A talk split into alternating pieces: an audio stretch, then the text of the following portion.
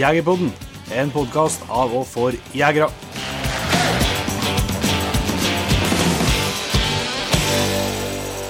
Hjertelig velkommen til en helt ny episode av Jegerpodden. og Vi har kommet oss helt til sesong ni, Jon Inge, og vi er da på den episoden som er den siste før elgjakta. Ja. Så er jo ekstra litt sånn, litt sånn sitring i kroppen til redaksjonen. Ja, det, det merkes nå, og du ser det på skogen ut, og det er rett fargene på løvet. Og Gult, da. Fy faen, nå er det Og er like før. Morgensluft og travelt når vi er ferdig med alt som skal gjøres før jakta. Yes. og Alt er likt seg. Ja. ja, det er godt. Det er, det er livet før etter 25. Ja, det er det. Så, og vi, det er jo selvsagt elgjakt, og, og det er også elghunder i stor grad også, som er tema med dag- dagens episode. Vi har med oss Ola Narverud, Mm. som eh, i hvert fall eh, for dem som er litt interessert i, i løshundprøver og, og gråhundavl, og sånt, tror jeg de fleste har hørt om Ola de siste årene. Ja, og vi er jo veldig interessert i gråhundavl. Veldig interessert. Nei, men eh, når folk har fått til sånne ting som Ola, så er det interessant å prate med dem uavhengig, selv om de har tatt feil når rase. For å si det sånn. Ja, det er en kjempetrivelig prat med Ola, som jeg tror det er mulig å plukke opp masse gode tips. Og, og det er jo artig å høre hans eh, erfaringer og, og tanker omkring eh, det som vi i hvert fall er så glad i. Ja. Det er nok bare sånn det er, det. Er også en uh, ung og fremadstormende og har, uh, har gjort mye rett uh, tidlig i livet. Så det er jo det er veldig interessant å prate med en som, har, som er forholdsvis ny da, i gamet her. Tross alt i forhold til mange av andre prater med, i hvert fall. Ja. Nei, så det vil dere jo straks se fram til. Men uh, har du uh, Du er jo jaktbas på laget ditt, ikke? Du har, har du førstdrevet på søndagen klart? Nei, det har jeg ikke. Eh, Det, det, det skal jeg ikke bestemme for på lørdagskvelden. Nei. 24. Du har, det, har noen alternativ, da? Jeg har noe alternativ klart, ja. Så nei, det blir vi enige om, ja. Men ellers så det begynner det meste å være klart, altså. Det, skal bare skifte løp på børsa, så tror jeg jeg er ganske klar. For eh, det er jo fordelen nå med at vi har begynt å jakta litt noen stunder i forrige, at eh, både på rådyrjakt og hjortejakt og sånn, at uh, mest av utstyret er jo klart. Ja. ja. Det eneste som jeg ikke Forskerne det er jo likt seg, da, at du, jeg greier faen ikke å finne igjen laderne til Garmin-PD-ene. Jeg leta og leta. var, Jeg pakka dem når vi skulle til Sverige. Men da jeg kom til Sverige, så fant jeg ikke dem. Så jeg måtte ha lånt av Marius. Og så tenkte jeg må sikkert ha lagt igjen hjem, da, men jeg finner dem ikke hjemme heller. Så jeg sikkert på peila hunder de første dagene her. Nei. Men du har du Ja, Jeg har trekker, men det er noe greit å ha strøm på. så tror jeg det fins å få kjøpt Karmin-aldre, da. Ja, det gjør det. Men eh, det er ikke nødvendigvis eh, når du bor i Rørvik og har igjen eh, noen dager til jakta. Så Det er den største bekymringene vi har. Jeg er ikke. Nei da. nei da. Det er, rote, det er ikke første laderen jeg har rota bort i så fall. Det er helt riktig. Så det får vi komme tilbake til utviklinga i den saken. Men eh, vi er jo litt ute på sosiale medier med at vi hadde en kjempetur i helga. Ja. Når vi eh, samla Jegertoner-jaktlaget igjen. Klabblaget, som er Klavdaget har fått navn, kallenavnet borti. Ja. Ja. Ja. Og det ber vi jo med, med rette, vil jeg si, men da var vi på Hitra på hjortejakt. Ja. Og det var jo en eh, blaut opplevelse, men veldig bra jaktmessig opplevelse. Det er jo noe med hjortejakt og regn og oss. dårlig vær og oss. Det har jo vært artig, å jakte hjort i sol og Fått prøvd det, i hvert fall. Ja. Eh, det går an, men det, det la jo ikke noen demper på jakta, regnet. Det vet vi jo, vi som er glad i å være ute. Men eh, det ble noe fall og greier på deg òg. Ja da. Det ble, eh, det ble Du var jo så veldig ivrig på å gå og skulle drive og greier, så ble, ble jeg omplassert og, ha, og fikk til posten din, da. Det er vel mer at jeg ikke er så ivrig på å ta post, Ja. enn at jeg er så ivrig på å gå.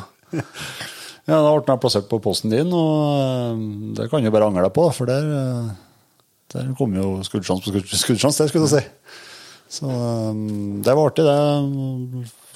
Eh, en kalv, og så skjøt jeg ei koll. På to vidt forskjellige situasjoner, så det var veldig artig. Nei, det var, det var på Hitra, og for dere som er, er kjent med Hitra, det er jo øy utenfor Trøndelagskysten eh, som er kjent vært i lange, lange tider for veldig mye hjort. Og det er fortsatt mye hjort utpå her. Det er det. Uh, og, men det var utrolig det ble litt sånn annerledes jakt enn hva jeg trodde. Uh, det var jo et terreng som lå liksom inn på øya og langt vekk fra grønne åkre. og Det var liksom ren skogsjakt. Ja, ja og veiløst. Ja, ja det var jo, det var jo noe, var noe borti en kilometer å gå inn til grensa til Valle. Mm. Nei, det var artig, veldig artig jakt, eh, og det er jo eh, Jan Egil og eh, Tore som vi var med, da, jaktlaget vi fikk lov til å komme til, det var jo de var jo lokalkjent og hadde liksom drevet han veldig på G. Ja. Og veldig, jeg, likte, jo- jeg liker jo litt sånn Det er jo ikke, det er jo ikke tradisjonelt for hundejakt på Hitra her. altså, Men at det er litt sånn kombinasjonsjakt med at en Med at en både posterer og driver litt og, og jakte stillesakte seg og spyrjakte seg litt inn på post og sånn. Ja. Syns jeg er en veldig fin jaktform, da, for da får du liksom brøttet opp litt. Ja. Det blir, det blir litt forskjell, ja. Altså, det var artig. Jeg fikk jo slakt ikke gjort min her gangen heller. Så det er jo status, status quo. Jeg hadde jeg hadde en skuddesjanse på koll, men det var jo en annen på jaktlaget som har fylt kollekvota før. Da. Så det var jo bare å, å slapp på. Satt på, på den morgensposten som jeg hadde, der, og skutt to hjorter altså, to dager etter jeg får derifra. Mm. Så alt er jo stabilt og kommer til meg gjort, vil jeg si. ja. Det, du har ikke så mange sjanser igjen nå. Nei, det vet ikke det. Men, eh, men det ser ikke ut som det skal løsne der, altså. Nei, uh... Ikke at jeg skjøt så mye annet her, da. Det er ikke det, er ikke altså. Men uh, merkelig at jeg ikke ja, jeg, skal har- jeg har unna en hjort noe, Petter. Det må jeg si, altså. Det skjøtes jo 50 000 i året, så skulle han godt an til en. Men jeg får, eh, jeg får vel holde meg til elgjakta, får vi se om det, om det løsner litt mer der, da. Ja. Det er i hvert fall en sabla fin tur, og, Absolutt. og bra mat. Og vi ble kjempeoverraska når vi kom dit. Og liksom Svein ordna med hotellovernatting og greier. Det var jo var kjempeopplegg. Og, og ikke minst maten, da, som, eh, som den han ordner. Det Magisk. Ja, altså, han, eh, han vet å han vet å ordne god mat. Jeg er bedre på å lage mat enn å lage akevitt, ja. Nei da. Nei, så det var en kjempe, kjempetur, og vi gleder oss til å vise dere det på, på skjermen etter hvert. eh, Det kommer ut for Patriens eh, først og fremst eh, en gang på, på nyåret her, da. Yep.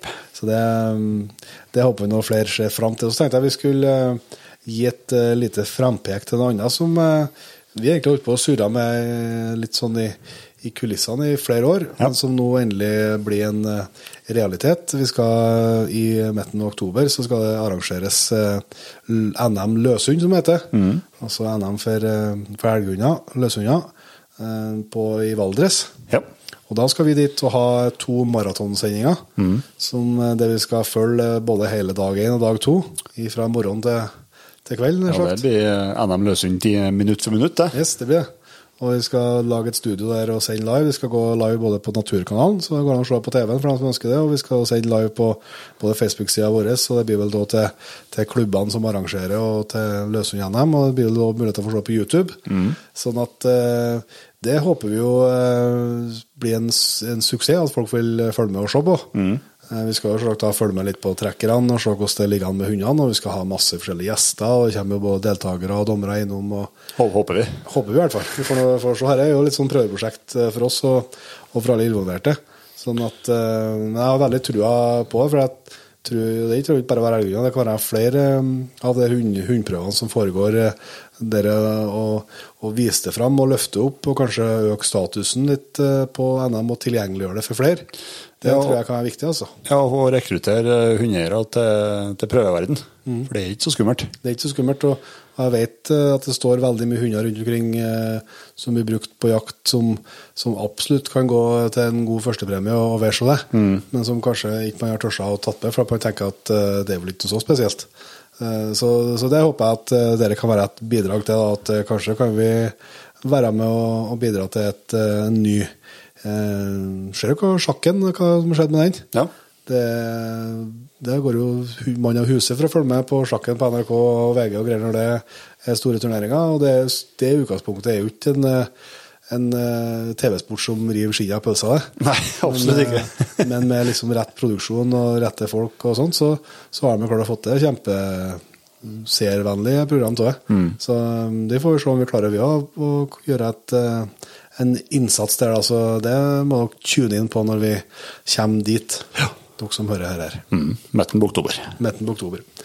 Og så eh, har vi fått et eh, eh, en noen e-poster og noe greier fra noen som driver og skal skrive en bacheloroppgave. Ja. På eh, Høgskolen i Hedmark, Evenstad, Yes. som skriver eh, rett med går utmarksforvaltning. De eh, skal skrive en bacheloroppgave som går på dette med skudd løsna mot vilt under storviltjakt. Mm. Og spesielt da tar de opp den, med det for alle, både kuler og krutt og kaliber og det som er, men det er jo spesielt med å ha litt ekstra fokus for å se på om man kan finne forskjeller på i henhold til den lovendringa som kom i fjor, der Ja. det ble eh, mulig for å bruke 120 greins kuler på storvilt. eh, Det går jo på dette med kobberkuler. At, eh, for, å, for at 6,5 fortsatt skulle være lovlig på, på eh, storvilt, så var man nødt til å ta ned eh, kulekravet. Stemmer. Eh, når det kommer til homogene kuler, kobberkuler.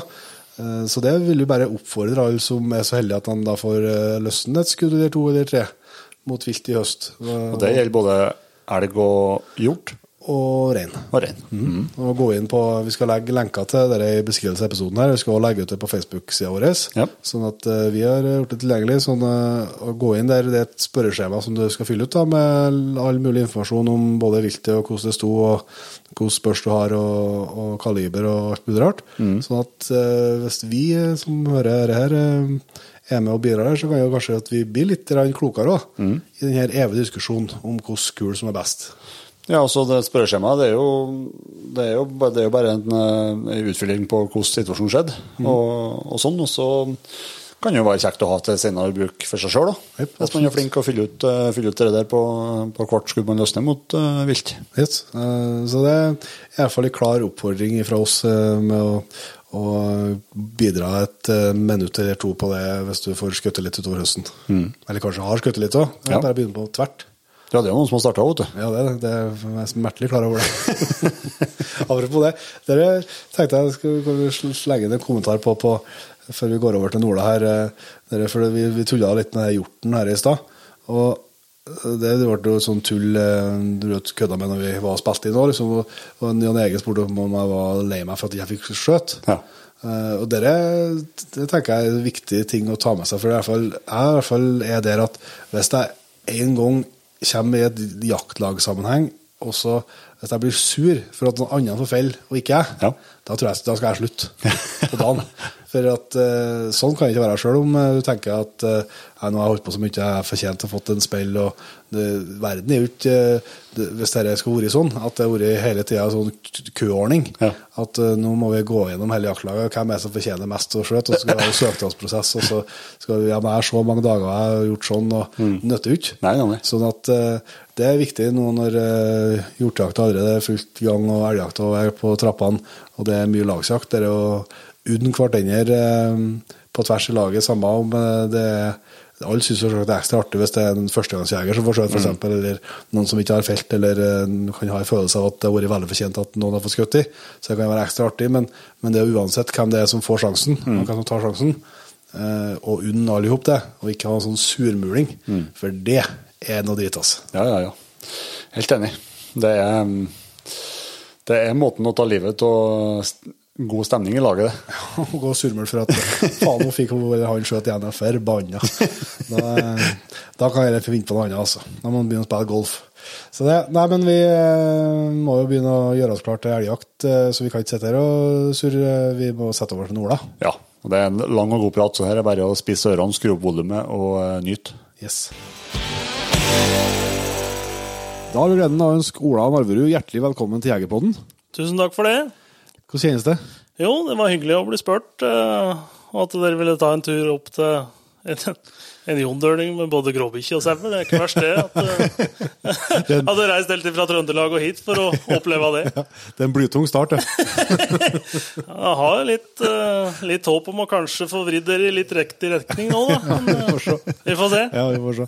Men Vi får komme, komme mer tilbake til det. Men uh, først må vi jo si takk for at du har tatt imot oss, uh, både du og Katrin. her, og et fantastisk hus. da, jeg må se, Sånn som dette her skulle alle jegere ha hatt. Jo, takk for det. Jeg har blitt veldig fornøyd med sånn som det har blitt, da. Ja. Og storkosset vårt oppå, oppå haugen her, og kunne kikke ned på resten av naboene, så det er helt, eh, helt topp, det. Ja, tømmerhus, altså. Det, ja, det må vi ha en gang. Ja, det Fikk det meste lyst til å rive huset en har, ja. Men uh, vi skal ikke bli bare interiør her nå, Ola. Du må fortelle litt eh, om deg sjøl, for dem som ikke kjenner deg. Eh, ja, det kan jeg gjøre. Jeg, er, eh, jeg blir 31 år nå til høsten. Det er jo Har bursdag 28. september, så det er jo Stor feiring hvert år. eh, veldig, veldig liten feiring har blitt de siste ja, de siste 10-15 åra. Da har det vel ikke vært så veldig mye familieselskap eh, den tida der. Så, så det, det slipper jeg. Men eh, jeg er bosatt i Jondalen sammen med Katrin og to barn. Og fire bikkjer. Så jeg jobber til vanlig med i vann og avløp i nabokommunen her, da. Så det begynte med i fjor eh, for å kunne drev som Drev i anleggsbransjen i 12, nesten tolv år. Men også var det litt med å kunne kunne være litt mer hjemme og dyrke litt mer Enda mer hundeinteressen, da. Litt mer fleksibilitet i hverdagen. Jepp. Og kanskje muligheter for å jakte enda mer, da. Ja. Det, er- er ikke dumt, det. Han blir jo aldri, han blir jo aldri forsynt. Nei, nei, nei. Så det er, eh, Det blir bare hver og hver, dess mer enn holder på. Mye erfaring. det er absolutt det. Han blir jo egentlig Han skulle jo tro at, han, at den kanskje dalte litt, den jaktinteressen, etter hvert når han får jakta nok, men det blir jo bare det blir jo bare mer og mer. Ja. Han finner jo på mer, mer og mer muligheter og, og arter for å komme seg ut og jakte, da. Ja. Det, er jo, det er jo egentlig det han går og venter på hele året. Ja.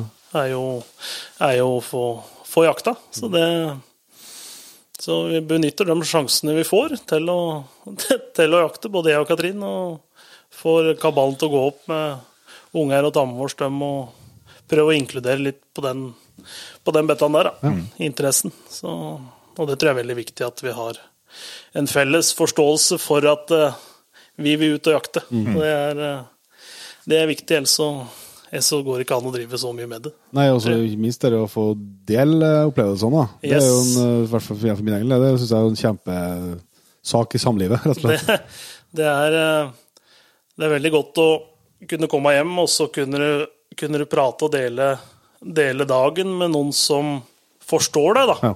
Som skjønner hva det går ut på. Eh, Både, både frustrasjon og, og oppturer, så det er jo eh, Ja, så Det er litt frustrasjon her noen ganger, altså. eh, Det er ikke rent sjelden. Det er jo, det er jo bare oppturene han ser. Men eh, det er, det er mange dager med, med frustrasjon. Ja. Sjelden hører det fra sånne gråneiere. Ja, ja, tør, ikke- tør ikke innrømme det. Er, han må innrømme det at det er ikke bare solskinnsdager med, med gråbikkje heller. Så det er, det er bare sånn det er. Ja. Men jaktinteressen din, hvor da kom det helt fra barndommen? Det liksom. Du, det starta med at jeg hadde en bestefar som var veldig ivrig i jakt. Han, han var eh, Han drev veldig mye med åtejakt på rev. Okay. Han, og, og jakta på åte hver vinter, men det, det husker ikke jeg så veldig mye av, for det var før, før jeg Før i min tid, da. Men han jakta, han satt, satt i åtebua veldig mye om vinteren og solgte skinn på Kongsbergmarken. Okay. Så han, eh, så han gjorde det, og da eh, For noen av de skinnpengene så kjøpte han, kjøpte han seg noen børser og, og litt sånt noe. da. Også, Men han var veldig interessert, veldig ivrig elgjeger òg. Ja. Så ja, det var han jeg fikk være med som eh, ja, femåring. Ja. Tenker jeg fikk være med og sitte på post. da. Og han var, han var en sånn en ordentlig postjeger. Det var eh, Alle bevegelsene var sakte, og, og det, var, eh, det var veldig lite unødvendig bråk Ja. når du satt på post med han. Så, men jeg har jo blitt stikk motsatt opp mellom åra. Altså, det, ikke- det, er- det holdt ei stund, den lærdommen, men eh, rastløsheten har tatt overhånd for min del når jeg sitter på post. Så det, men eh, jeg fikk være med han, og, og var eh, Og tok jo fri høstfe høstferier og sånt, og brukte all den tida jeg kunne for å være med på elgjakt. Ja. Og tok skolebussen hjem fra barneskolen og kalla han opp på radioen. Og lurte på hvor han satt hen, og, og fikk noen til å kjøre meg dit han var, da. Ja. For å være med på poste eller være med på jakt siste drevet i løpet av dagen. da. Hvis, de, hvis, det klaffa, hvis det ikke klaffa med høstferie og den første uka i jakta som de drev på med. da.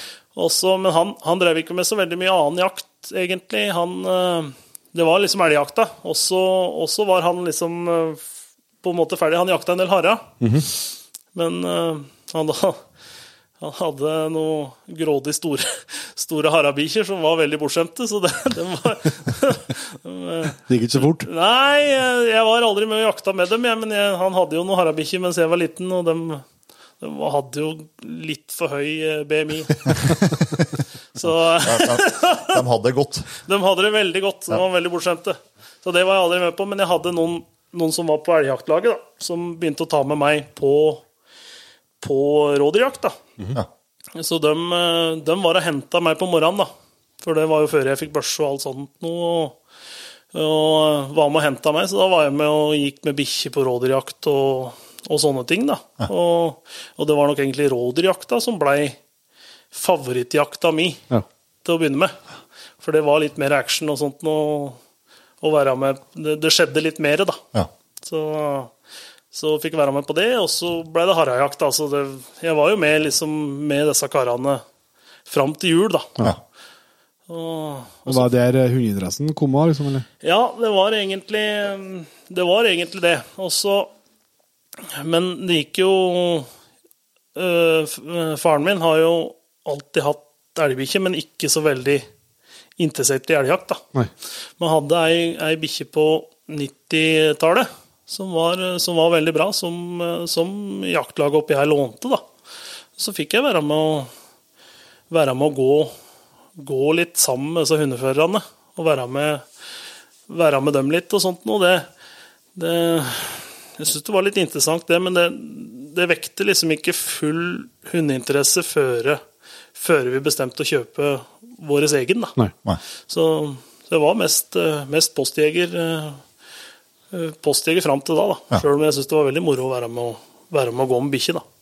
var men det var når jeg først fikk egen hund at det liksom den Det tok løst? det, Ja, det tok av. Jeg hadde jo Jeg prøvde på en dags Det første, første jeg kjøpte, var en dags. Da var jeg ja, var jeg rundt konfirmasjonsalder, eller eh, ja, var kanskje litt Ja, rundt konfirmasjonsalder. Som Vi kjøpte nede i, nede i eh, Enebakk av en svenske som hadde noen dagser. Den hadde jeg funnet på Finn. Det var eh, Jeg tror jeg skulle betale 3500 kroner for den. Ja. Men det var ikke noe papir og ingenting, og ikke fikk jeg tak i han oppdretteren etterpå heller, så, så hva dette var for noe, det veit jeg ikke. Men den bikkja den hadde jeg én los med. Det var, eh, det var det den jaga egentlig karrieren sin. det blei ble aldri noe greie på. Så det, så det var ikke, men det var når vi fikk den første elghunden sjøl, da når vi kjøpte den sammen, at det blei det ble virkelig Ja. tente, da, på en måte. Så Men først, første viltet, da? ja, det er, det er vel som, som mange andre at det starta vel litt på fuglebrettet med en softgun. Når jeg og en kompis var, var aleine hjemme. Det var, det var vel der, det- der det starta. Men også begynte jeg ganske tidlig med, med åtejakt Ja. på rev. Eh, Vel tidlig òg, egentlig, Ja. i forhold til kanskje det som er eh, Veiledende. det er veiledende. Eh, jakta Men jeg husker, jeg husker ikke akkurat det. eh, Hvem, når første reven og sånt. Men jeg husker første rådyr. Ja. Det husker jeg veldig godt. For da fikk jeg være med, hadde vært med i flere år. Og, og det var vel litt veiledende blei, da. For var jeg var vel 14, tror jeg. Nesten 14. Ja, jeg var 14. Jeg hadde fylt, jeg hadde fylt, jeg hadde lov til å hagle. Og da var det litt tolkning av den regelen. At det, det, i hvert fall det jeg hørte i ettertid, var vel at kanskje du skulle vært 16, men, men du kunne jo bare hagle, da. Og så jeg var- hadde jo vært med så mye at jeg, jeg ble jo plassert. Måtte jo, en, måtte jo ikke bruke opp to poster på, på én, så jeg ble jo plassert et lite stykke, stykke ifra dem andre, og satt der og Jøss, der kom det to rådyr. Og satt med en dobbelløpa over og underligger hagle, og, og klinka ned på begge to, da. Ja. Så det, det er liksom første, første ordentlig vilt jeg husker, da. Det, det satte seg veldig den eh, Og, og det å være med å trigge den jaktinteressen veldig, da. Ja, og. Det var i los og full pakke, da. det tror jeg ikke var i los, faktisk. Jeg tror eh, jeg, Det var faktisk ikke i los. Det er ganske, de kom vel egentlig bare ranglende. men i ettertid så hadde jeg aldri, aldri skutt i det når det ikke hadde vært los, men, eh, men da så var det 14 år og trigger-happy, så det var eh, Det, det er grei unnskyldning. Ja. Det var å Det startet med en dublé. Det var ikke så verst, det. Så det var, eh, det var moro, det. Og da bare balla det seg på og blei mer og mer jakting og mye hara fram til det blei liksom for mye snø. Snø på rådyrjakta, så gikk det over til harejakt, da. Så fikk jeg være med noen, eh, noen ivrige harejegere oppi, eh, oppi dalen her, da, som, eh, som kjørte innom og henta meg på morgenen, og fikk være med. Og, og det var eh, veldig, veldig eh, lærerikt og moro å få den muligheten til å få være med andre, da. Når, ikke, når, når det var bare elgjakta jeg var med på med, med bestefar sjøl, da. Ja. Så, Hvordan har det utvikla seg nå, da, i jaktåret sånn totalt sett eh, per i dag? eh, hvis den begynner eh, Begynner eh, jaktåret for, for meg, da, det starter jo på en måte i Nå har jeg fått litt muligheter til å være med og slenge med litt på litt reinsjakt, da. Eh, og så prøver å har vært med noen turer på det. Ikke, ikke mye enda, men eh, håper kanskje å få brukt eh, enda mer tid på det. Men det, det blir liksom litt i sånn kollidering med, med opptreninga til, til elgjakta, da. Ja. Så men det blir litt, kanskje litt reinsjakt, og så blir det, blir det jo elgjakta, da. Ja. Og den blir jo varende Det er jo fra 25. september, og da går jo egentlig slag i slag. eh, Du, jakter, du har jakt rundt uh, Ja. heimgården her, skal jeg si. Ja, vi har grunneierjakt her, så her begynner vi 25. Nå jakter vi her første uka. Og så, um, og så blir det litt farting litt rundt, da. Litt leieterreng og, og få være med og jakter oppi der Katrin jakter, for hun er et annet terreng, da, så jeg er med litt der. Og jeg farter litt rundt, rundt forbi, da. Men inna, egentlig innafor en times, uh, times kjøring fra her vi bor, da. Så jeg er veldig sånn heldig på den måten at vi det, du slipper en veldig masse planlegging Ja. for, å, for å reise ut på jakt. Tilgangen har vært, vært bra, da. Så, og da går jo det slag i slag, da, og så prøver vi å prøver jeg å jakte en del rådyr, da. Eh, men eh, Det, er jo det, sto jo en kort, kort, kortfota inn uti Det er bare kortflod ute. Ja, det er bare kortfota som er Jeg har jo litt, eh, litt dårlig samvittighet overfor han innimellom, da, men jeg har at jeg ikke får bruke han nok. Men heldigvis så har jeg noen ivrig, ivrig karer nede i dalen der som, eh, som, som låner den. da. Og, og jeg prøver å prøver liksom å bruke desember på, på uh, rådyrjakt da, og hara. ja. Men uh, det er lett for det når, når forespørselen kommer om elgjakt, så er det lett for å, lett for å reise på det, altså. Så, så det er også går det Ja, da er det jo nyttårstider, da, og så er det jo ei lita pause. Eller det hender, hender det blir noen turer ut på harejakt da, på nyåret. Ja. Og kanskje innimellom litt grann rev, da. Ja. Ikke mye, men eh, en gang innimellom. Og så, og så begynner gaupejakta, da. Og da. Men den er jo veldig fort over, da. Det er jo kamp om, eh, kamp om gattene, så Ja. det er eh, så, Men det er et sånn høydepunkt, det òg. Ja. Det har blitt det. og Det er, det er egentlig like mye det også også, det er et veldig fascinerende vilt å jakte på. Og all den, all den jobben med sporinga og all den jobben han legger for å oppnå det resultatet, da. Ja. Det er, eh, det er veldig, veldig lærerikt. Så også når den er ferdig, så da er det egentlig Da har det vært, da har det vært egentlig ganske stille, men nå, nå i våres, da, så var vi en liten, en liten gjeng oppi her da, som, som eh, har liksom begynt å Vi må jo kanskje prøve litt etter beveren, da. Ja. Så da har det blitt noen fine sånne vår, vårkvelder på elvekanten, da. Ja. Ja.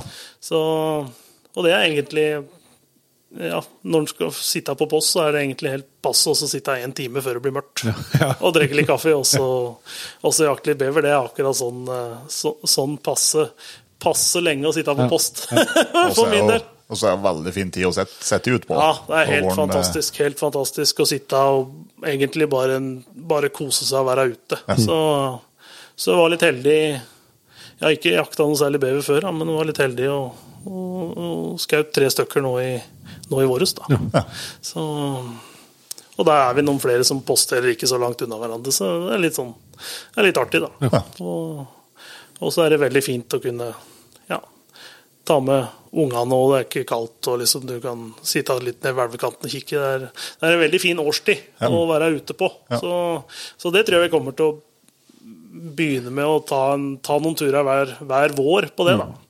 Så, men etter den, så da er det da er det jo på en måte da, da er det sommerferie. Ja. Og da er det egentlig forberedelser til, eh, til en ny sesong. Ja. Forberedelser med både bikkjer og, og eh, trening av dem, da. Og det er eh, kondisjonstrening, da. Ja. Du sa jo at mye, mye av høsten går med på, på elgjakt i nærområdet her. Hvordan er det med elgstammen i, i området her? Ja, det er jo Du, må Du er avhengig av søk. Eh, dem, eh, du har ikke elg i nesa hver gang du, du slipper hund her. Altså, så det Søk, det, det er en mer og mer avhengig av. Ja. og jeg tror jo på en måte at vi, vi må liksom prøve å bli litt eh, flinke i området her da, til å til å, være, til å skru igjen krana nå mens vi kan, på en måte. da. Ja. At, uh, Før det går for langt, liksom. ja, før, før, vi, før vi går for langt ned, da, Mm. på en måte. Vi har nok antagelig sett ganske jevnt med, jevnt med elg oppi her de siste åra, men veldig mange plasser rundt da, så, så klager de på, på at eh, bestanden er synkende. Da. Så jeg tror eh, hvis vi skal kunne kose oss og jakte elg på, eh, så tror jeg, i mange år framover, så tror jeg vi må være litt forsiktige med uttaket. Uttaket nå noen flere år. Ja. Og så heller, heller prøve, å, prøve å bygge en elgstam istedenfor å skyte ned. Da. Ja. Så, så den trenger søk. Det er ikke noe, ikke noe tvil om. Nei. Men har jo noe, Du nevnte jo dreveren, men det, det står tre grunner til hvem, hvem er det som står i hundegården nå? Det er eh, ei tispe, eh, ei som heter eh, Vindmyras Kajsa. Hun er seks år. Eh, hun har vi her. Og så har vi dattera, som, som heter ON Leika. Ifra, som er dattera til Kajsa, fra andre kullet vi hadde. Ja. Og så har vi en som heter ON Cash, han er 15 måneder. Så ganske ung, ung hundestall, da. Ja, ja. Så, men vi er litt avhengig av å ha, ha i hvert fall tre bikkjer. Når begge to jakter samtidig og, Ja. og sånne ting, så er vi, er vi avhengig av å ha litt bikkjemateriale og, Og tatt, og, ja. og bla i, da. Så plutselig kan det bli en flygertid eller skade eller noe sånt noe, da. Så da da er det greit å, greit å ha litt å velge i. Så Vi skal, vi skal komme mer tilbake til hundene, tenker jeg. Så gå gjennom litt mer sånn steg for steg òg. Men eh, eh, nå, du, du røpte jo litt hva som fantes i våpenskapet, men du får ta en tur til. Det uh, den som blir mest brukt, da, det er en Sauer 200. Ja. En bygd om banebørse. Eh, drev jo aktivt med baneskyting før, og så når vi slutta med det, så fant vi ut at vi skulle gjøre om, gjøre om det til jaktbørse. da. Ja. Så dreia ned løp og kjøpte stokk og det har blitt egentlig ei skapelig jaktbørse, og der står en, en Leica kikkert på. En 2,5 til 10 med 42 åpning. Ja. Eh, veldig fornøyd med den, eh, det setupet der. Eh, veldig glad i trøkkpunkt på, på rifla. Ja. Veldig vant med å skyte med det. Ja, ja. Så, så um, fornøyd med det. Og så har jeg en, eh, en Tikka, en gammel Tikka som jeg har arva etter bestefaren min. Ja. Eh, Med 12 kaliber hagle og 222 rifle. Ja. Løp. Eh, En gammel modell som du må spenne opp med hana og løpsvelger. Aha. Så det er ikke det er, ikke, det, er, det er lett å det, er det er lett å skyte med feil løp, for å si det sånn, i kampens hette. Så, så det, er, det ikke så veldig spennende, men det, det fungerer til den Du skal ha bruket mitt, da. Ja, ja. Og det er det viktigste. Men jeg ser jo det at eh, egentlig så burde ikke jeg ha noe dyrt våpen, for det, at det, eh, det blir dratt imellom og Kvast og alt som er, og litt for dårlig til våpenpuss. Det, det er Vel- Velkommen i klubben. Ja, det er godt å høre at det er flere som, som har noen rusblemmer på, på løpet på, på. Det er ikke, helt fritt. Nei, det, vi, vi bør vel kanskje prøve å skjerpe oss nå. Ja, ja, tenker jeg.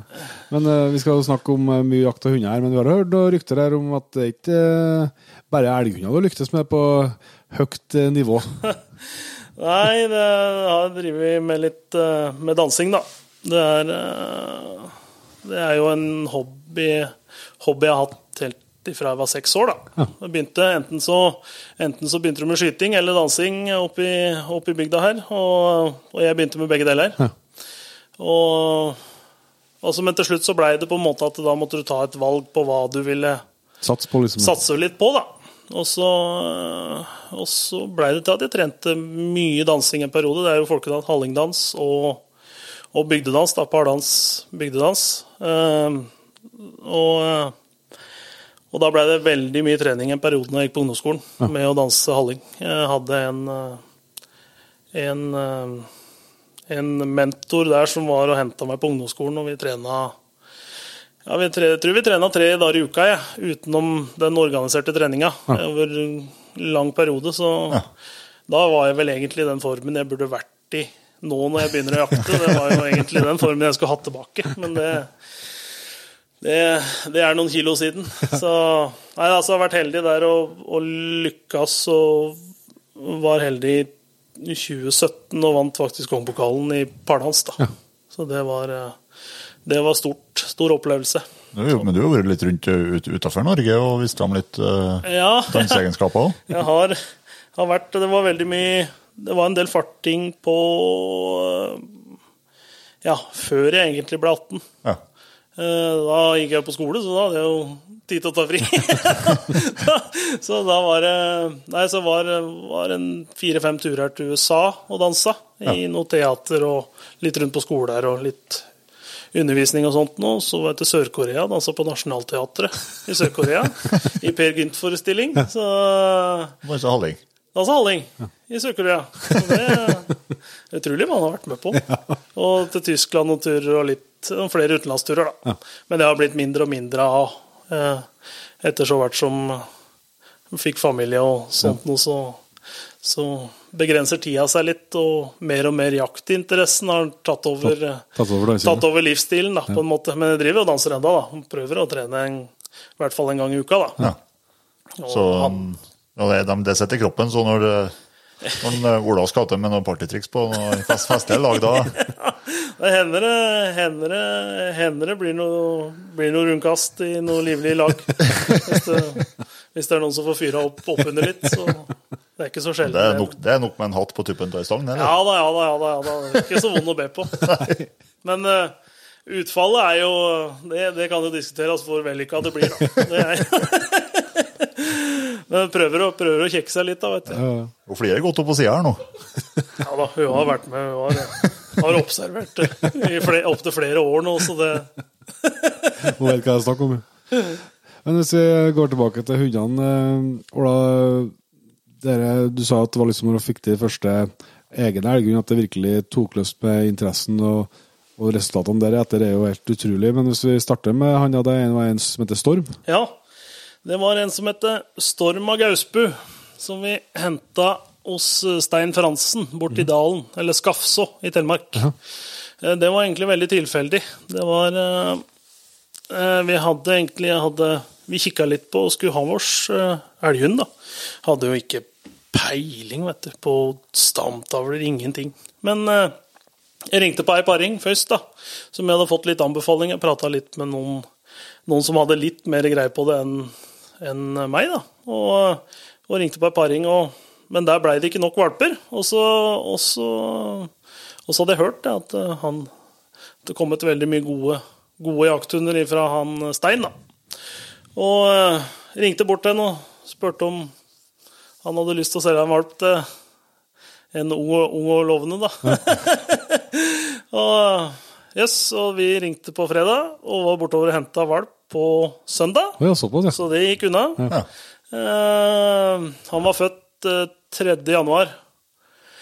Og, um, og um, hadde jo med han overalt. Overalt. Jeg kjørte jo gravemaskin den gangen. Og han lå bak, i, bak setet i graveren hele dagen. ti-tolv timer og ut og pissa og, og gjorde ifra seg og inn igjen. og Vi brukte veldig mye tid, hadde den med oss overalt. Og, og begynte med skogstilvenning med en gang. da.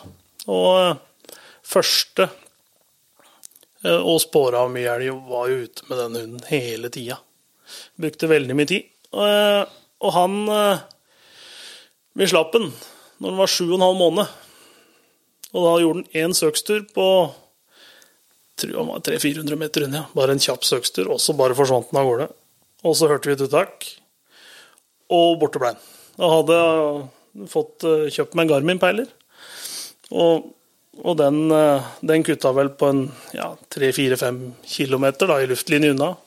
Og, og, da gikk det vel fem timer før jeg fikk den inn. Da var den på baksporet. Så her skjønte jeg at her, er jo, her ligger det jo noe latent eh, der. Og, og, så, ja, ja. Jeg hadde jo ikke noe, jeg hadde jo ikke noe erfaring noe særlig erfaring med dette, men slapp den når den var åtte måneder igjen. da. Og Det var før jakta. Og da, da fikk jeg los oppi her, hjemme her, og, og latt den stå og jage. Etter en fem-seks timer, da var den åtte måneder gammel, ja. da gikk jeg inn på kikket. Og dæven. Det var jo, dette var jo et, uh, ei kyr som, uh, som hadde et uh, gammelt beinbrudd, så hun gikk på tre bein. Ja. Og ringte ringte viltnemnda. Og de kom oppi og skaut, skaut den i los for den etter åtte timer. Ja. I stor los. og da var på en måte polletten Virkelig på plass? Virkelig dette ned. Ja. Og, og, da, da, da Ei uke etterpå så klatra han ut av hundekaren. Og uh, var borte i to døgn. Ja. så, så, den Og da den første høsten der, så da skaut jeg tror vi skøyt en sju-åtte elger for den. Ja. Da var den ni-ti måneder gammel. Ja. Så, og da, da, fikk jeg liksom Det var en kompis av meg som, eh, som Fader, denne her må du jo Du må jo melde den på prøve. Jeg hadde jo ikke noe Visste jo ingenting eh, om dette. Ja, jeg ringte, jeg ringte noen jeg visste hvem var, da, som hadde litt uh, hadde litt med med jaktprøver og sånt, og meldte på denne bikkja. Han gikk jo til en førstepremie. Ti og en halv måned gammel. Og, eh, og, det var jo kjempestas. Og det, det trigga den interessen om jaktprøver òg, da. Ja. Så etter det så, så, så, fikk jeg litt kontakter i, i Jeløyklubben, og, og, begynte med dommerutdanning mm. samtidig. Og så høsten etterpå, i 2013, så gikk jeg Resten av prøvene er endagersprøve og ei todagersprøve, og gikk til championat med den bikkja. Da var den 22,5 måneder gammel. Ja. Så det Skjønner at det går an å få smaken på jakt. Eh, absolutt, absolutt. Så det har jo gått veldig på Eller det gikk jo veldig på skinner. Ja. Og det var jo den hunden som på en måte har lært meg alt, alt det jeg kan om jakt, da. Mm. Løshundjakt. Mm. Det var jo Så den eh, den satt, uh, satt dype spor, altså. Ja. Så um, det var, det var uh, sikker Det var på en måte et sikkert kort uansett uh, å slippe, så fant det alltid elg. Ja. Det var Mens de er stilt godt òg? Ja, det, det, var nok det, det, var litt sånn opp og ned. Det hendte det koka litt over for den. Ja. Det, var en, det var en jaktløs som var helt enorm på den hunden.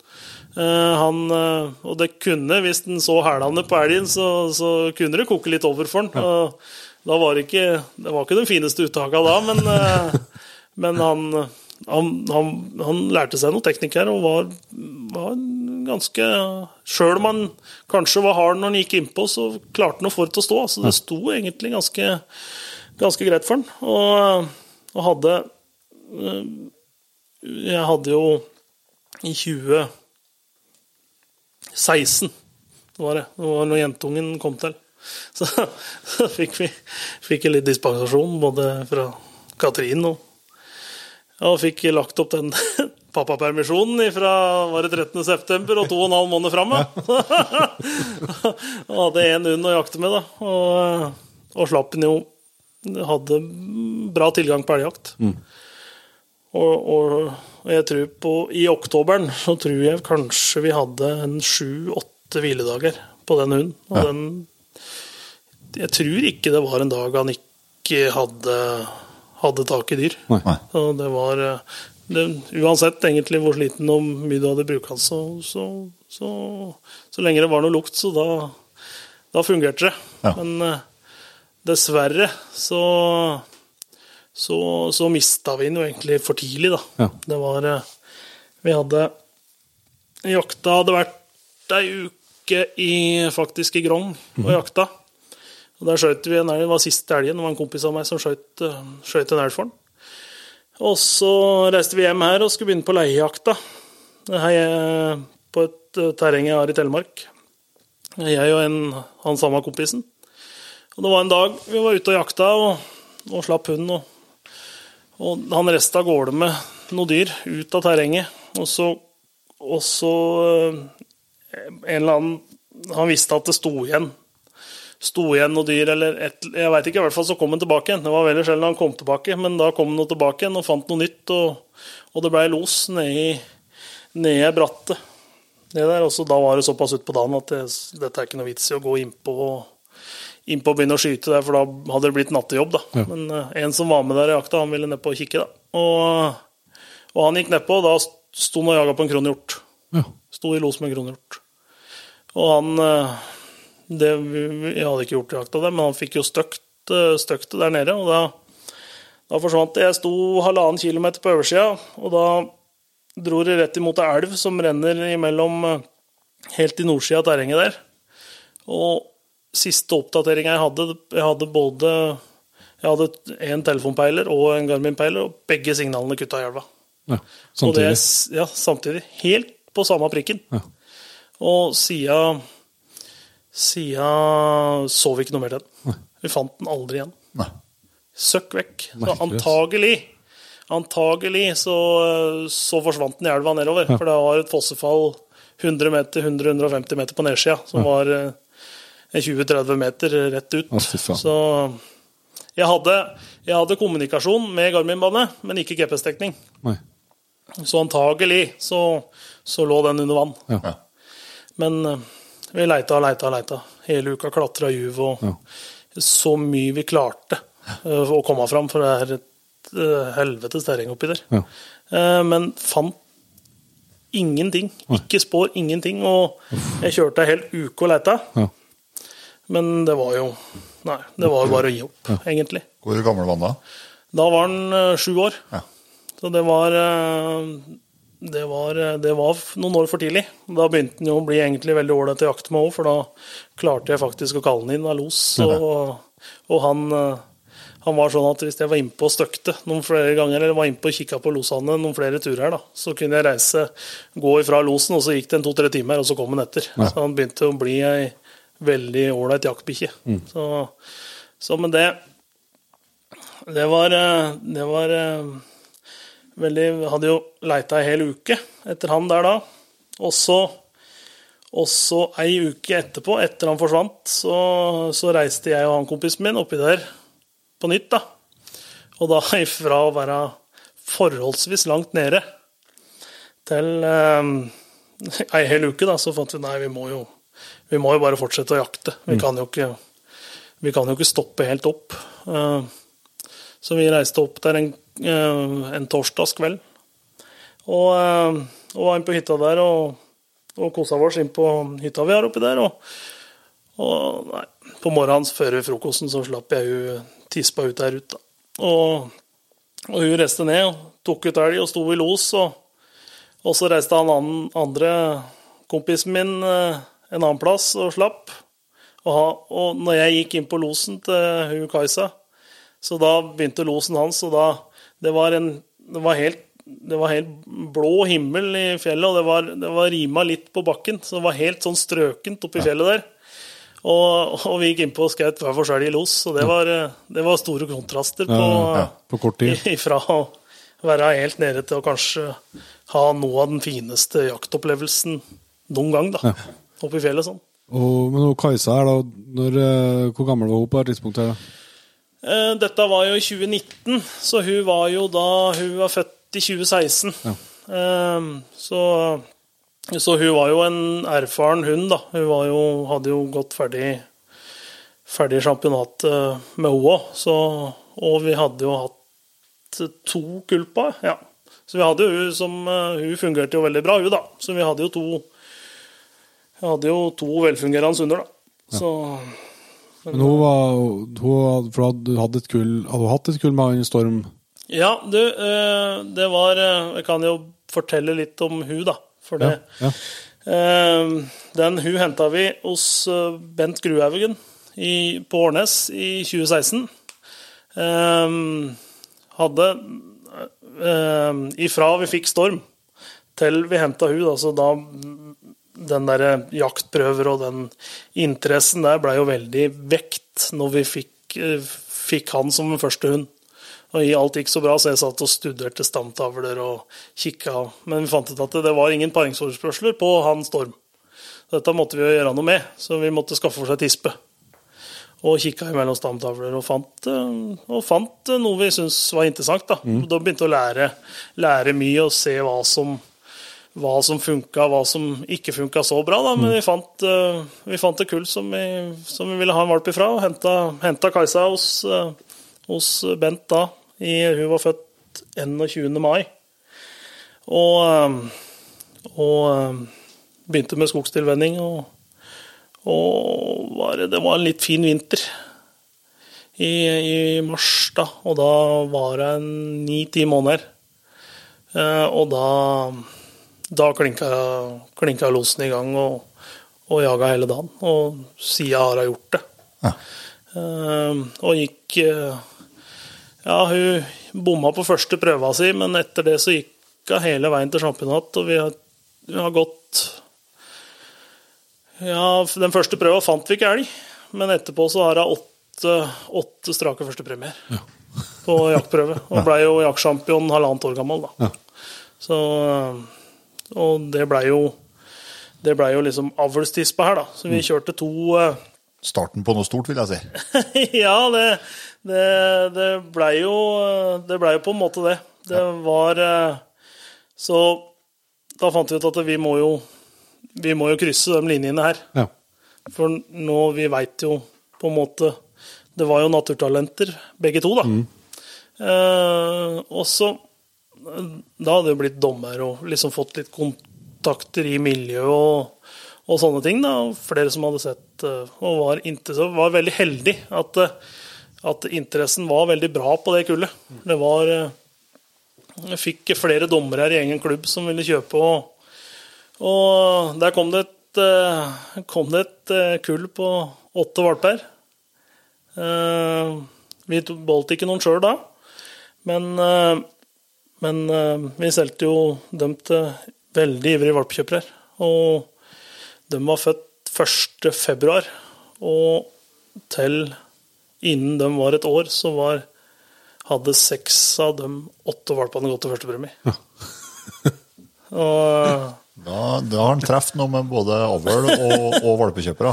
Ja, det var helt, det var helt utrolig. Det var, eh, det var eh, prisgitt at vi, at vi fikk, eh, fikk så gode valpekjøpere på første kullet. Ja. Og, og høsten etter så, så gikk eh, Ja, var det alle, eller dem seks eller sju gikk til jaktsjampionat, så nå er det i det kullet så er åtte av åtte førstepremie på jaktprøver og sju jaktsjampioner.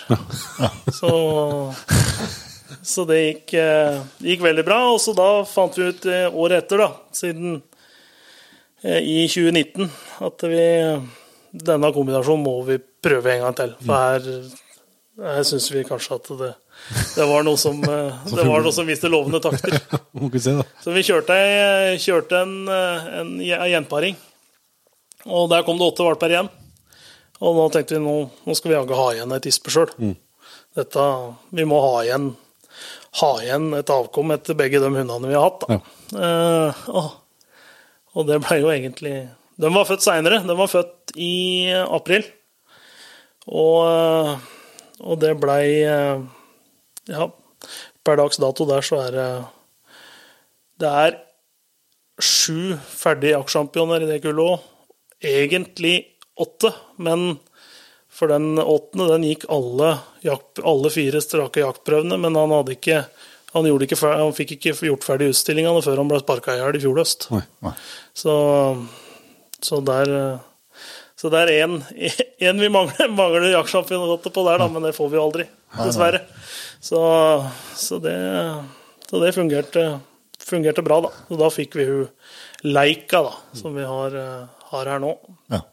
Og ikke jo bare sånn helt funka ut av boksen, skal jeg si. Ja, det var, det var jo en veldig spesiell, eh, spesiell tispe, uh, hun, egentlig. Uh, det var, uh, var jo veldig mye skau med henne. Og jeg hadde jobba i natt. Det var Jeg tror det var i februar. februar. Og jobba i natt, og jeg hadde jo sett at hun viste jo litt interesse. Hadde reist litt etter noen elgspor og litt sånne ting. Og så reiste jeg oppi og, og slapp henne. Eh, Det gikk Hun reiste rett av gårde. Jeg hadde jobba hele natta, så jeg la meg tilbake inn i bilen og tenkte at hun skal bare få drive på her, og lå og slumra litt. og ja, nesten, gått nesten to timer, så så jeg at hun hadde drevet på samme plassen i hele tida. Ja. Og så gikk jeg, gikk jeg inn på en 200 meter der og plistra på. Jeg tenkte at det kanskje kan det ha vært noe dødt dyr eller noe kadaver eller et eller annet sånt noe som ligger der som hun driver og eter på. da. Ja. Og kom og plistra jo inn og veldig gira. Veldig gira. Såret på hele at det var et eller annet spesielt som, som, eh, som hadde skjedd. Men eh, ja, og så Ja, vi får bli med litt her, da. Og prøvde å få med meg nedover, men hun bare stakk jo rett tilbake igjen der hun kom ifra. og Jeg gikk ned til bilen og skjenka i kaffekoppen. og Når akkurat omtrent hadde gått to timer siden hun hadde stelt seg borti der, da begynte losen. Ja. Og da jaga vi 14 timer.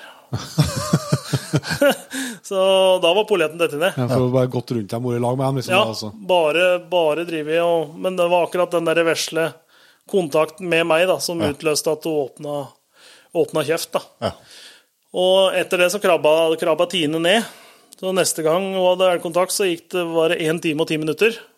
Hun dreiv på rundt elgene før hun begynte å skjelle. Og så krabba det ned til en halvtime, og da, men da var det Da begynte båndtvangen etter hvert. Så da ble det ikke noe mer slipp. Og, og tok henne fram igjen på høsten. Og, og da gikk det over en time igjen, når hun begynte på nytt igjen der. Men da krabba det ned igjen og lå stabilt på en kvart til 20 minutter. Så det smelte på ei prøve på henne eh, før elgjakta. Og, og gikk til Hvor mye var det? 91 poeng, ja. Og så men når, når hun gjør det på den måten der, da, eh, det står godt for uttaket, eller? Det gjorde Det sto veldig godt. Det sto så å si alt sto i uttaket for henne da, altså. Ja, for det, det må jo være en gunstig metode. Ja, det var, det var helt utrolig. Jeg hadde jo aldri sett dette i praksis. Jeg hadde hørt om det, Ja. men aldri sett det i praksis. Men det var jo Det, det, sto, jo, det sto jo veldig godt for henne. Ja. Eh, Men helt til jeg skjøt første elgen, eh, da, da begynte hun direkte etterpå. Ja. Med, med å begynne å skjelle. Og nå, Hun har fine uttak nå òg, men nå begynner hun med en gang. Ja. Så det er litt sånn artig historie akkurat når det gjelder den første elgen hennes. fordi at da, da var det en eh, han Runar Høgfoss, Høgfoss og Falla, Ja, ja. skulle en som, en som filmer og er med, er med dem, da, en som heter Sondre Eidal, en ung gutt fra Sigdal, han eh, ringte og lurte på om han kunne være med meg en, jak en jaktdag, da. Ja, jøss, men du kan få være med. Bli med i starten av jakta, så har vi litt eh, har vi, Da har vi litt mer elg å velge imellom, da. Jøss, så han dukka opp her og en morgen. Ja, ja. Tenkte først eh, Vi får slippe Kajsa først, da. Ha en helt stabil, ordentlig, ordentlig bikkje først. Og var heldig og fikk los med hun. Og, og eh, gikk innpå, skjøt kalven, og han filma. Det var jo veldig bra, men hun fortsatte etter kua. Eh, spiste vi litt mat, og, og, og ut igjen, da, så sa jeg det sånn at vi får prøve ungbikkja, da. Men hun fløy mye, mye dagen før, så det, vi får se åssen fart det er i henne nå. Ja. Ja da, og slapp på. Rett ut, ut på 1,3 km og sto bør i uttaket. Og, eh, og vi ned, og dette var nede i en bekkedal, eller en elvedal. Og det, det var så vanvittig mye vann i den elva. Og bikkja sto på ene sida, og kyrne og kalven sto på andre sida. Og, og, eh, og prøvde å innpå, men det, det blei for tett. Jeg fikk ikke, fikk ikke skyte, og da merka de meg til slutt. Og de reiste, reiste opp, og nei, vi måtte jo få denne bikkja over, over elva. Så jeg tok tak i bikkja og bar og hadde vant opp til magen, tenker jeg, og bar bikkja over og slapp opp på andre sida. Og så var det jo en kameramann også, som skulle over her. så, så, så, Sondre han ble, han ble delegert ut i elva, og, og jeg holdt kamera og støtta han og, og, fikk han over elva. Han var jo våt inn Ja, det var jo til oppå magen. Altså, det, jo, det rant jo vann av begge to, da. Og også, men kom oss innpå på oversida der og fikk skyte den kalven i stålås for henne. Ja. Eh, første Fikk eh, filma første elgen ja. i stålås for bikkje. Det, var, det var jo helt utrolig. Altså to Få to elger på én dag sånn, det er det, var som jeg sa til Sondre, at det har verken jeg gjort før eller siden. Nei. Så det er det, Du hadde flaks når du var med. Ja, ja, ja. Det var eh, det var en helt utrolig opplevelse. Da, da begynte hun rett på og har vært veldig veldig ålreit bikkje etterpå. da. Mm. Så, så, vi hadde kull på hun og første kullet nå i vinter på hun da. Ja. Vi får håpe hun har de samme avlsegenskapene som mora si. da. Ja. Men nå, du har jo vært på et par NM òg, ja. med Kajsa? det? Det stemmer. Vi, vi, var heldige og fikk være med i 2018 uh, oppe i Gudbrandsdalen. Uh, og uh, det var egentlig litt uheldig, begge prøvedagene. Men det var litt lettbeina elg i starten der, men vi, vi klarte å karre til oss et par førstepremier begge mm. dager. Så vi endte på femteplass. Ja. Og ingen, ingen toppdager noen av dagene. Men men vi fikk en femteplass, og jeg var veldig fornøyd med det. Og så skulle vi på ble vi pella ut til å delta i NM to år seinere, i, i, eh, Agder. Reiste nedover og trena hund, vet du. Trena hund som en gærning eh, hele sommeren. Eh, kjørte firhjuling, selvfølgelig. Da. Men dette var jo i september. Starten av september. Så her her måtte vi jaggu ligge i strikken ja, og, og, trene hund, så det blei mye, ble mye mil etter firhjuling. Uh, hadde ei bikkje som var veldig god form. Og så blei det over 20 varmegrader ja. nede der. Det var jo så varmt. Jeg gikk jo, jeg gikk jo bare i den der brynjetrøya hele ja. dagen. Det var uh, veldig varmt. Og, og, fikk en knall første dag. Både, uh, både jeg og Katrin var nedover og fikk en knall første dag. og Gikk til 94 poeng, faktisk, første dagen. Det, det er grei følelse første dag på NM. Eh, det var veldig bra. Eh, og vi lå som nummer to. Eh, Bare det? At du liksom nummer to etter 4 poeng? yes. Og det var en eh, det er en av den, Olav Willy Eriksen, som han jakter faktisk eh, bare noen kilometer lenger opp her. -huh. Og han lå som nummer én da med 95. Ja. eh, dag nummer to var vi litt uheldig. Vi hadde vi, Det var litt uh, vi skulle av gårde og slippe. Og så, på tur inn der vi skulle slippe, en 400-500 meter unna der vi skulle slippe, så så jeg kyr og kalv ja. ifra bilen. Sa jeg til dommeren og kjent med at eh, det var litt Det var jo sjansespill, da, selvfølgelig, men jeg var, hadde litt ståltro på, på hun tispa, at hun var, var, var bra krutt i beina på henne enda. Så jeg sa at her vil ikke jeg slippe, det er for nærme de elgene. De vil vi må lenger unna. Vi må prøve et annet sted. Ja. Og, og lyktes jo egentlig med det, da, for da slapp der, og vi reiste en god runde. Og, for det var jo om å gjøre å ikke tape, tape, for mye poeng på å få et nærme uttak. da. Ja, ja. I hvert fall når du lå så godt an i NM, så var det jo Ja, det ble jo litt taktikk. Ja, det ble litt taktikk, eh, taktikk, eh, taktikk dette. Og, og slapp bikkja. Bikkja ja, reiste momentant og gjorde en ordentlig tur runde. og 900 meter unna, så da blinka det. Og Da hørte vi losen oppi. Og det sto bør. Det sto på, på meteren, altså. Ja.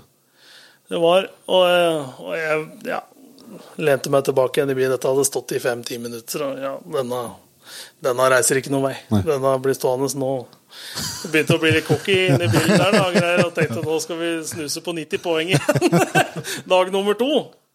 Eh, og, så, og så var det en trønder som dømte Stian Aune. Ja. Dømte Ja. andre dagen. Og satt vi inne i bilen der og drakk kaffe. og Jøss, yes, stemninga var jævlig bra, den. Helt til det hadde gått akkurat en halvtime, så begynte den røde streken å flytte seg. da løsna det. Og da sank jo humøret litt. sank humøret litt i bilen der, kan du trygt si. I hvert fall når du så han som, han som leda etter dag én. Han sto og banka og jaga, hadde stått og banka og jaga i ei god stund, da. Men eh, da måtte han jo bare prøve å få mest mulig poeng ut av dagen. Og, og vi gjorde det egentlig, og fikk eh, Jeg tror det var 83,5 vi fikk eh, ut av andre dagen, ja. Ja.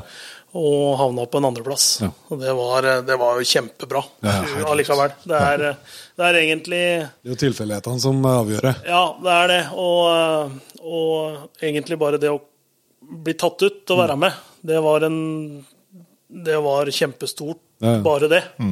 Så um, også gjøre det egentlig så bra i to mesterskap på rad, altså. Ja. Det var jo helt, uh, helt utrolig. Ja, Det viser jo bare at det er en, eh, altså, en stabilt eh, veldig god hund. ja. Ja, hun har liksom litt lett for å, lett for å klare å få det til, uansett åssen eh, hendelsesforløpet. Så har hun liksom en egen evne til å, til å klare å få rodd i land, da. Ja. Så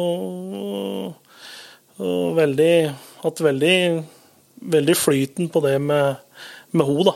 Så, så veldig enestående tispe på mange måter. Både væremåte og Hun er jo Hun er jo som å ha en katt i hus. Og, ja, det, det er ikke, du skulle nesten ikke tro at den der var noe interessert i Det er nesten litt dumt å se når man har gråhund. Han er trygg på seg sjøl, han. veldig, veldig fornøyd med den tispa, tispa der, altså. Ja. Så, Men han eh, siste kandidaten her, eh, ON Cash eh, Det er jo ikke eh, virker som du har plagdes behandler. nei. Det ser på resultatet i hvert fall. Det er eh, ja, Må jo si at vi har vært heldige da, med å pelle ut, eh, pelle ut litt rette valpene i, i gulla. da. Vi har jo liksom uh, hatt litt tur med det, da, i forhold til uh, at det har jo, vi har jo klart å få det til å, få det til å fungere skapelig. da. Det, For, for både, både, både Leica og Kars de er fra eget, ja, fra eget oppdrett. det er det. Så Leica òg ble jo jaktsjampion halvannet år gammel. Ja. Uh, hun hadde litt mer stang ut på hadde noen prøver som hun ikke fant elg, da. Men, uh, men hun hadde jo ti søk på alle de prøvene. Og um, veldig bra resultater når hun, Fikk sjansen. når hun fikk sjansen. Så jeg har vel et snitt på tre beste prøvene på hun på 92,5 poeng. Så, eh, så hun har gått veldig bra. Og han Cash òg, han eh, var litt sånn Begynte jo, eh, begynte jo samme samme, samme opplegget med han som alle andre. da. Være mye ute helt ifra børjan. Og ut ute i jakta begynte, brukte egentlig noen eftar, for da hadde vi jo, hadde jo de to andre tispene vi jakta mye med. Og, eh, og blei eh, Så jeg tok med meg han på noen eftar og bare, bare slapp han og drakk kaffe og, og lå i lyngen og kosa, kosa meg, egentlig. Og så så jeg det utover høsten at det begynte liksom Ja, han begynte å Søka begynte å bli veldig bra på den. Eh, og og så da han begynte å slå ut en 700-900 meter og sånt på tørrsøk, så tenkte jeg nå skal, han, nå skal han få en sjanse. Da var han, da var han ni måneder gammel. Så jeg reiste oppi her og fant et elgspor. Og eh, tenkte nå skal han få sjansen, nå skal han, nå skal han se om han, om han vil. Men det, det ble et uttak 80 meter fra veikanten som bare fløy av gårde. Og da var det ikke så lenge han holdt på, egentlig. Men, eh, og så kom han igjen og litt backup og tenkte disse har ikke reist så langt. De har jo ikke følt på noe særlig. Jeg tenkte nå skal jeg, nå skal jeg prøve å få dem på overvær, så jeg gikk inn fra en annen kant inn i en ås der. Og, og bikkja reiste og ble uttak. og Det sto litt og gikk litt og sto litt og gikk litt. og En tre kilometer, og så snudde den, kom på returen, og var, da drev jeg og fyra bål. Og så sto jeg der litt igjen, og så reiste den opp samme strengen igjen, og da sto jeg igjen en elg oppi der, 500 meter oppi der.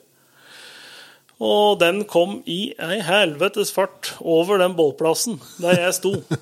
Og det var, jeg måtte, jeg måtte egentlig flytta meg for denne kyra som kom forbi meg der. Og da reiste det to kilometer, og så sto det plugg. Ja. Og gikk på kikka. Og sto og jaga i sju timer. Ja. Før han kom igjen. Og så var det andre slippet på han. Da Det var bare ei lita uke etterpå. Og, eh, og tok eh, og slapp han og, og reiste ut 800 meter og sto Og så den elgen sto en time, og så rangla den ned. Og da plutselig kom bikkja tilbake igjen, og skjønte egentlig ikke hvorfor det. Og det hadde vært så fin los oppi der. Da. Gikk etter på strengen. Da. Men da hadde de klumpa seg sammen med kyr og en kalv. Ja. Da ble det for mye dyr for den. Ja. Så det reiste ut et dyr, og, og, og han var bare så vidt han liksom var bortpå og jaga litt. Da, fikk litt støtte. og Den var litt sånn att og fram på den når det var to dyr. For den, den som hadde stått og jaga på, den reiste ut. Og, og litt sånn assistanse på den, og støkte litt og gikk litt. Jeg kunne jo skyte i egentlig den kalven, men jeg fikk liksom aldri jeg fikk aldri noe god nok sjanse, syns jeg, på den. Også, og han måtte hele tida ha litt støtte. Og jaga litt og kom tilbake og litt sånt noe. Så når han var sliten, så kobla jeg den. Venta hvilte noen der, og ut og slapp den igjen. Og tok ut. Og da skjønte jeg dette er, dette er to dyr igjen, for nå gikk det en kvarter, 20 minutter, sto og jaga. Kom igjen til meg og bare rett ut igjen og, og jaga. Og da fløy jeg innpå og satt på 50 meter. Og, og, og bikkja kutta etter en halvtime oppi der. Ned, jeg fant ikke meg igjen, men da bare gjorde den en runde, og så resten rett opp igjen. Og siden av det så har den aldri blinka. Nei. Og den kalven skjøt jeg helt ut på eftan. Uh, så den datt og fortsatte å jage på kua til kvelden. Og da var polletten dette ned. Ja. Da var, eh, og da gikk, da gikk en jaktprøve etterpå. Og da på Ja, åssen ble det? Jeg tror det var på en sju-åtte åtte loser, jeg. Så skjøt jeg én elg og fire førstepremier. Ja. Så det, når polletten datt ned, så datt den ordentlig ned. Ja. Så, og så har jeg vært litt heldig med han, da. At eh, han har jo hatt litt utseende med seg da, i forhold til, eh, i forhold til disse andre som vi har hatt. da. Så, så Katrin har jo vært på utstilling her nå, da. Og, og faktisk sanka inn to sert på den. Ja. Så, så vi har jo et håp om å få han til en, kanskje en dobbeltsjampion da. når han blir gammel nok. Han må bli to år. da. Han er jo, var jo 15 måneder nå. Så Så han var ferdig champion på 11 måneder. han var ferdig med prøvene 11 måneder gammel. Ja, men mangla Eh, men utstillingene fikk han jo ikke før han var 15 måneder. Nei, nei. Så da tok vi ei utstilling akkurat når han var 15 på dagen, 15 måneder. Og så fire dager etterpå så tok vi den andre. Ja. Så 15 måneder og fire dager fikk han utløst. Noe kjappere tror jeg kanskje ikke vi kunne klart å få det til. så, så det var eh, men, eh, Så det, er så det er ikke du som stiller dem på utstilling, altså? Nei, det, jeg har jo gjort det fram til, fram til nå, da. Ja. Men jeg har jo skjønt det at eh, jeg sendte Katrin på to ringtreninger, og første utstillinga så vant hun hele utstillinga. Så da skjønte jeg at eh, det beste jeg hadde oppnådd, var en CK en gang. Det var jo Og gud veit hvor mange utstillinger jeg har stilt på. Så jeg fant ut at dette, dette her får vi overlate til hun nå. Så kan. Så, så det er eh, det er, det er moro det når det lykkes, lykkes der, at de ser skapelige ut. Ja, ja, ja. Sjøl om det ikke har vært det som har vært hovedfokuset med avlen. Våres eh, har jo vært jaktbikkje først og fremst. Så. Men nå har vi liksom fått hørt eh, tre hunder på rad som har alle gått eh, over 90 poeng på jaktprøve. Det, det er jo spennende å høre litt hvordan det kan gå an. Så jeg skjønner jo at vi, skal, vi kan se litt om avlen etterpå, men, men du sa jo det litt der, altså, at dere har vært heldige med de valpene dere har valgt ut da, fra kullene deres, som har hatt de to siste. Ja. Hva er dere eh, vet du, så det er sannsynligvis er noen tilfeldigheter, men er det sånn, er det noen spesielle ting som du har, dere har sett etter og liksom har vært utslagsgivende? Nei, det er magefølelse. Bare rett og slett godt etter magefølelsen, altså. Eh, Det har vært litt sånn litt lettere, også kanskje når du har eh, Sånn som de to siste valpene som vi har pella ut, da. Så har vi gått med valpene i åtte uker Ja. sammen og kunne sett dem hver dag og, og sånne ting. Men de har egentlig vært såpass jevne at, at vi har liksom Da har vi egentlig kanskje kikka litt mer på, og egentlig litt på utseendet på dem, da, som valpeevne er veldig vanskelig. å dette, Jeg tror du kunne putte alle valpene i en hatt og så trukket opp igjen. Ja. Så det tror jeg er litt eh, flaks at vi har, eh, har truffet på rette individa. Men den, den cash som vi Den yngste her, da. Det var jo Det var litt tilfeldig at det blei han. For det var eh, Vi kom igjen, hadde vært borte en dag og kom i valpekassa. Det var én valp, da var de halvannen uke omtrent. Ei uke, halvannen. Eller to, kanskje. Ja, to uker var de. Og så hørte vi det var en valp som var så veldig svak. Var så vidt den pusta. Ja. Uh, og det var en lørdagskveld. Og ned til dyrlegen. Og antibiotika full pakke, vet du. Denne vesle valpen, det var jo Ja, du hadde den jo bare i ei hand. ja. ja. Og jeg inn der og fikk noe antibiotika. Og, og stelte veldig med den, og den overlevde jo. Og det er jo han som står ute her nå. Ja. Og Det ble sånn spesiell det ble sånn, en spesiell tilknytning til Katrin tok seg veldig godt uh, av den valpen. Og da ble det liksom automatisk at den, den beholder vi sjøl. ja. ja. Så, uh, så det er litt sånn tilfeldigheter. Men jeg tror ofte så, hvis det ikke er noe veldig som skiller seg ut på et valpekull, da, så tror jeg du egentlig kan bare ja, ta hvem som helst. Mm. Jeg tror det er uh, De har jo på en måte samme, Utgangspunktet. samme utgangspunktet. Og så blir det jo litt hva han, hva han gjør det til sjøl. Ja. Hva starter du med, eller dropp med når, fra, når du, så du tar det fra åtte vekker, på en måte, for, altså når du har valpen er, er kommet i hus på et vis? Eh, første er jo veldig sosialisering. Veldig sosialisering. Eh, ha med oss veldig mye rundt omkring. Da. Ha med, har hatt med på jobb og hatt med overalt. Blir vant til lyder, vant til bråk, vant til alle de tinga der. Men vi begynner faktisk helt ifra åtte ukers alder å ha dem med til skogs. Ja. Eh, Annenhver dag, i hvert fall en time, halvannen. Ja. Og bare sitte og drikke kaffe og latt, latt valpen få utforske. Eh, bite på kvist, eh, ete på kongler, gjø på noen rotvelter. Eh, alle de valpetinga, da. Eh, og om det er om det er fasiten eller ikke, det, det, det skal jeg ikke være bestemt på, men det har funka for oss. da. Og, og når valpene er, eh, begynner å bli såpass selvstendige at de begynner å farte litt og sånt noe, så, så hender, da tar vi og bremser ned litt. Og heller venter til Kanskje vi prøver å prege dem litt mer på byttebevisst, da, med noe elgbein. og Gått mer og mer bort ifra sporing, Ja. rett og slett. Det gjorde vi veldig mye med den første. Eh, De andre har vi nesten ikke spora ferskspor med i det hele tatt, men eh, egentlig bare eh, dratt noen elgskanker bare og latt dem få finne dem og sånne ting. Og, og gitt dem den en stund og tatt den vekk igjen. Og liksom positivt med den lukta, da. Ja. Eh, og kanskje latt dem få komme inn på noe elgfall og liksom få snuse litt og ja.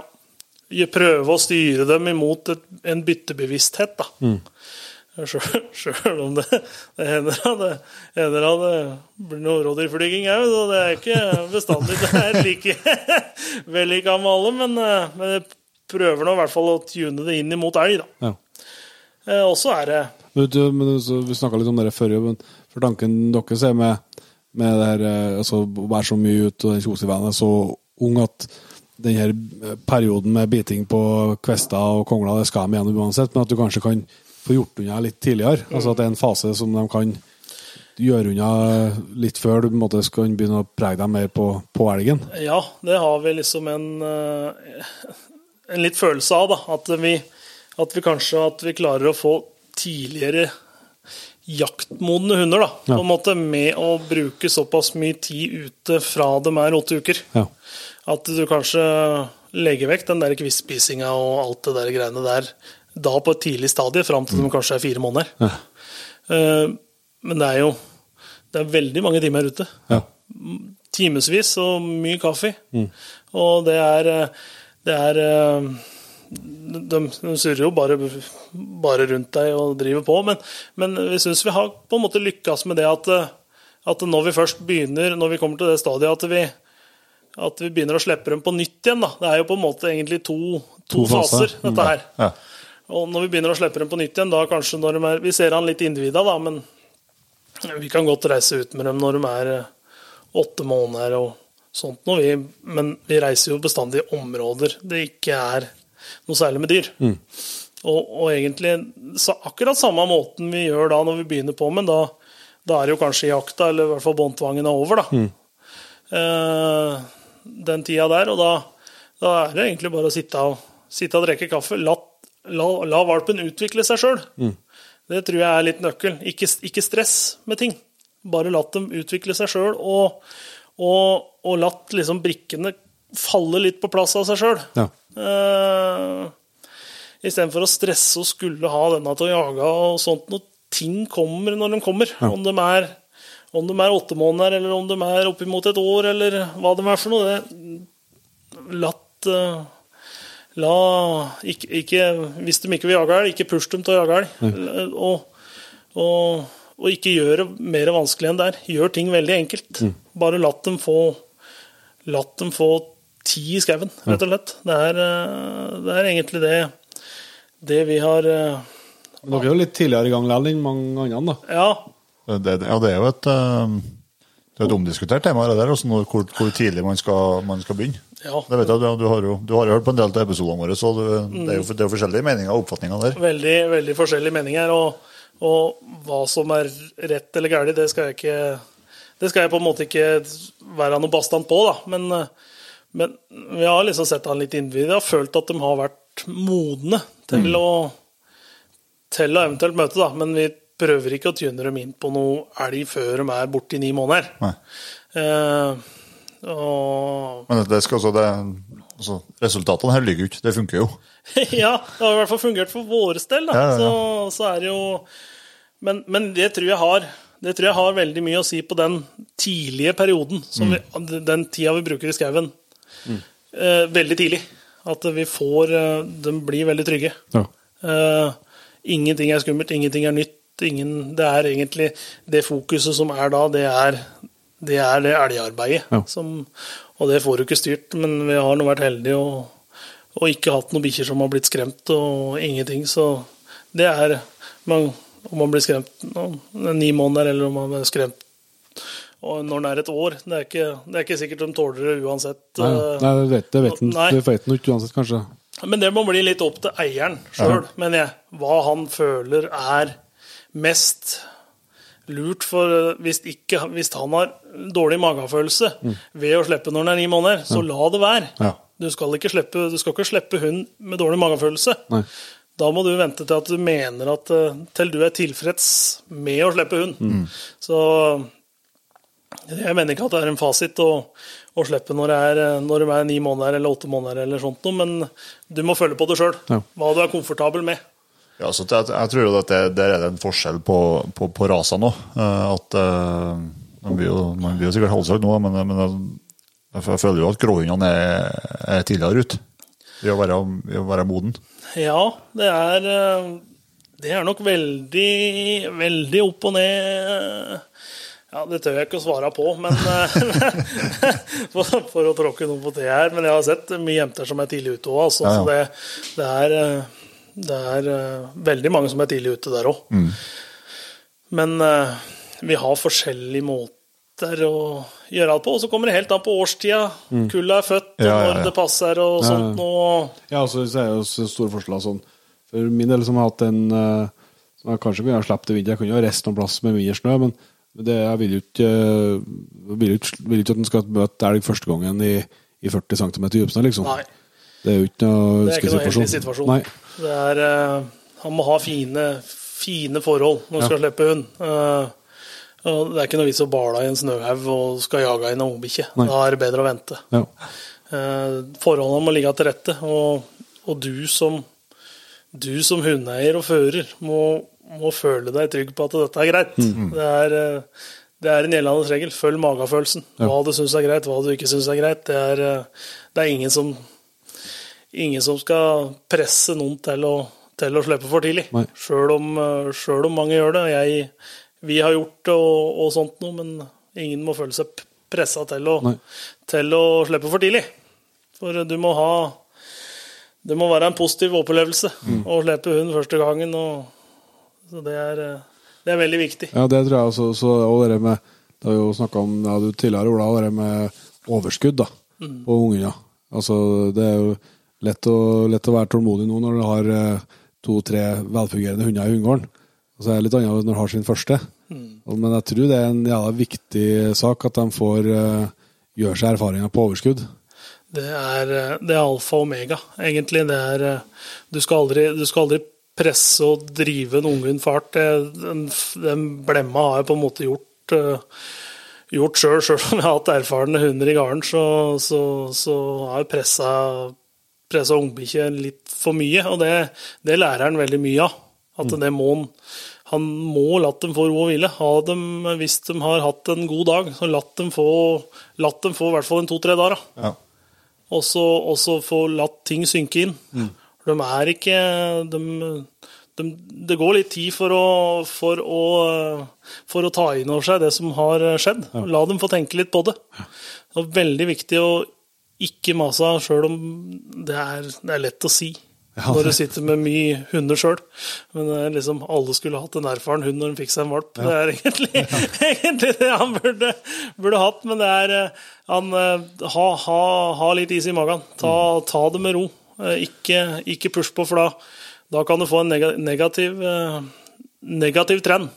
Hvis bikkjen er sliten og ikke har overskudd til å fungere, ungbikkjer, så den første ordentlige høsten når de, når de er halvannet, eh, halvannet til to, eller før de fyller to år, da. Mm. Jeg tror det er Sjøl om de jager som bare det, men, men latt, dem, latt dem få litt hvile. Mm. La dem høste, høste litt overskudd. Det Ja, er så ser jeg at høsten er jo lang, sant? så før de ikke føles sånn, så, så er det jo, blir det jo noen jaktdager. Og det, det ser jeg jo sjøl. Du kommer, ut, i- ut i november, for eksempel, da. Hvis det har vært noe, så det er jo som regel at den er så er en annen plass å jakte. Så de får en ukes pause. Mm. Og da er jo, Du ser jo at han har overskudd på hund sjøl. Han bare jakta alle slippene på slutten av oktober nå. Du ser jo du får et annet, et annet overskudd, et annet trøkk og punch i det. Når de har fått hvila seg i vekka hvis de Ja, har holdt på ja, en ja. stor del av høsten. Det er, eh, det er, det er noe helt noe annet å gå ut i skauen med. Og, og det, det er litt sånn eh, med hun yngste tispa som var her. eh, hun, hun, da hadde vi jo bare to, to hunder den, den høsten der, da. eh, Når hun begynte å jage. Vi hadde jo forhåpentlig hadde jo et håp om å ha tre da, før han Storm ble borte. Ja.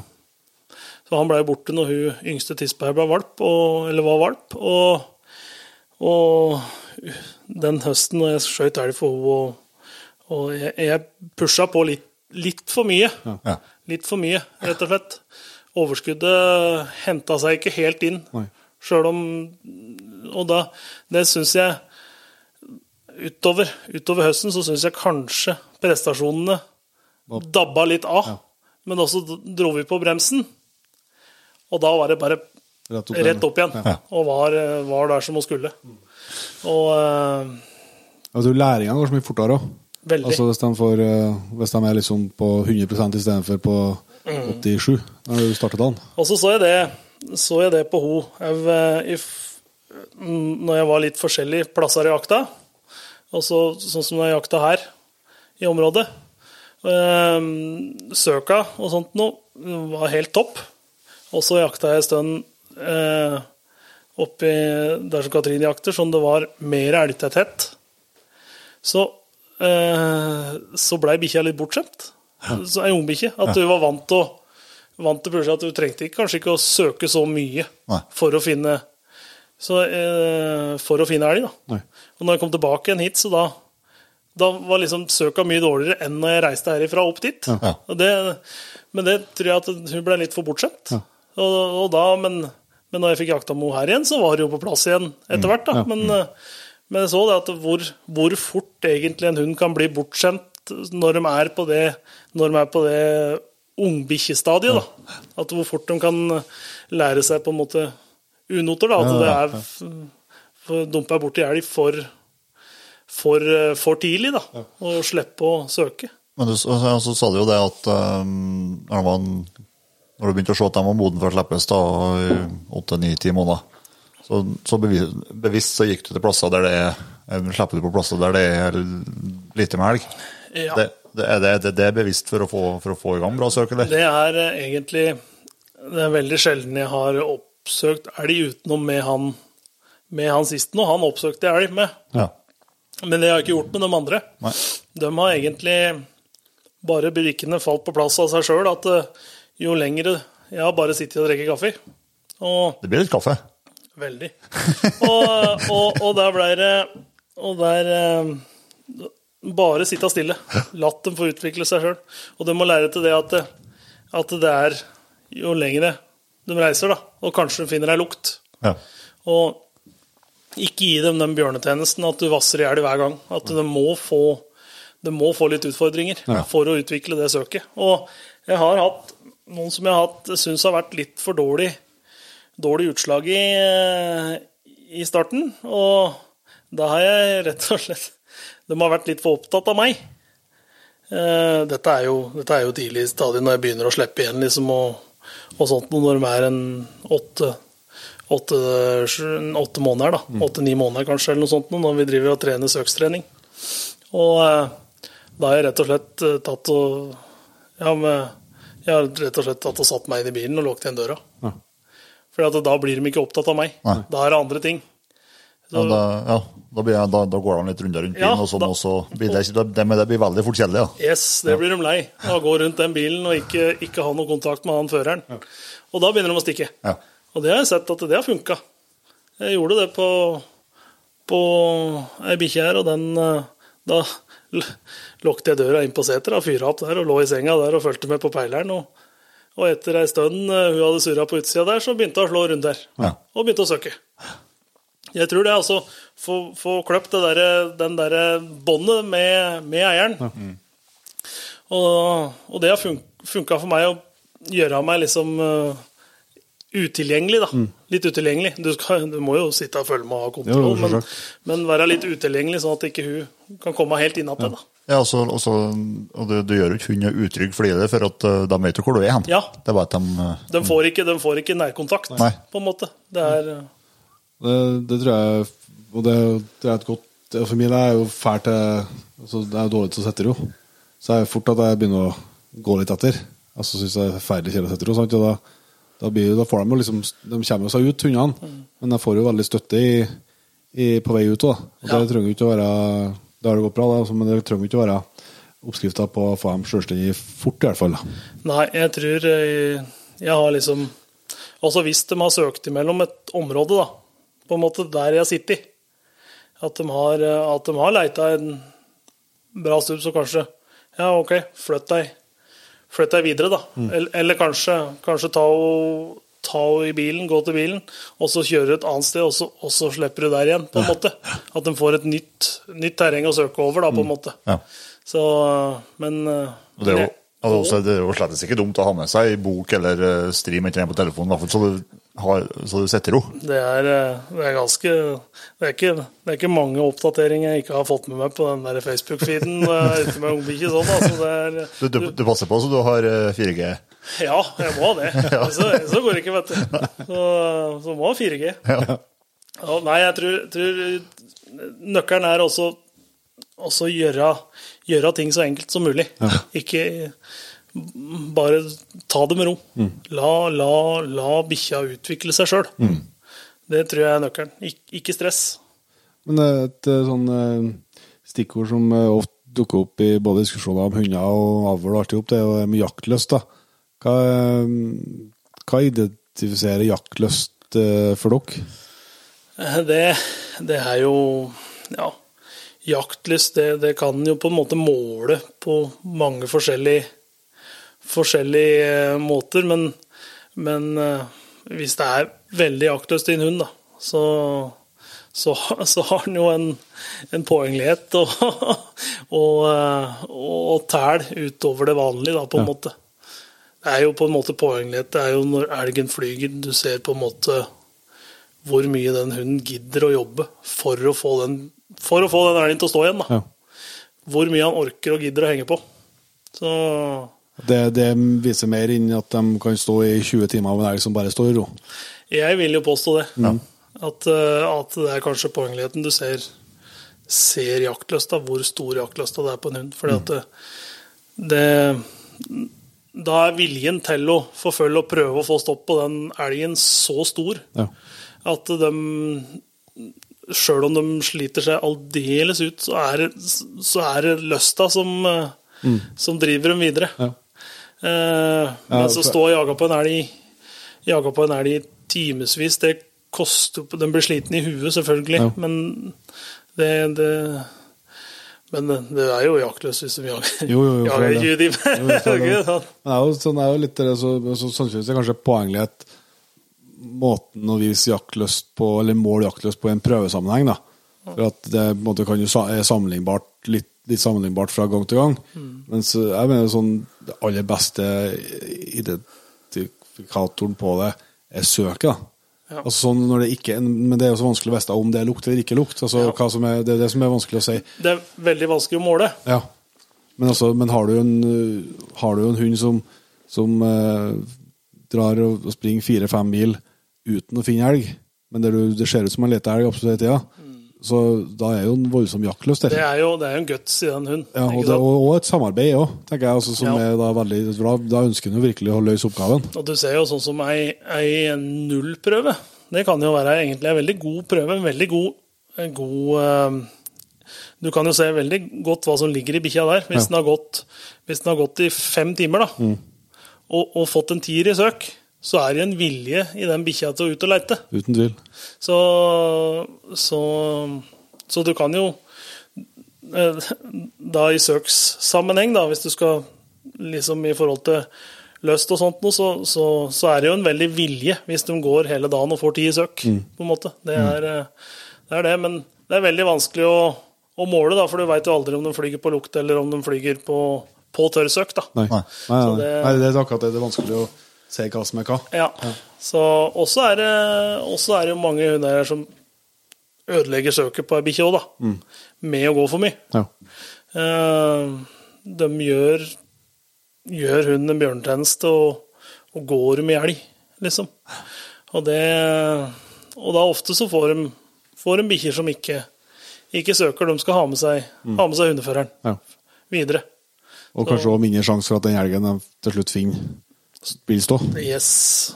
Det er en utfordring med. Det har jeg sett. Jeg har jo dømt en god del hunder nå i løpet av noen år, og, og, og du ser ofte så er det Så ser du at hundene er veldig Sjøl om løsta ligger der, og de, bare de finner et spor, så fungerer det helt topp. Men det, de har virker som de kanskje har blitt litt ødelagt av eieren, da. Ja. På at, eh, at du ser hun flyger, og så kikker etter eieren i søka. De, de vil ha med seg eieren framover. Ja, ja.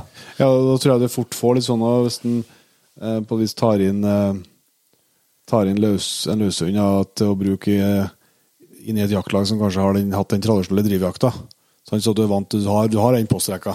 Nå skal du riktignok slippe på en ganske grei, grei plass, men, men hvis det ikke, da, du, du, som innfører så vil det liksom automatisk strekkes imot de postene. Da. Så da du får en sånn litt sånn kanskje unaturlig bevegelse. Hvis du har vært ute helt alene, så er helt, er det jo annerledes. Både hvordan du vil bevege deg, og, og litt mye lettere å gi hund tid, ikke minst.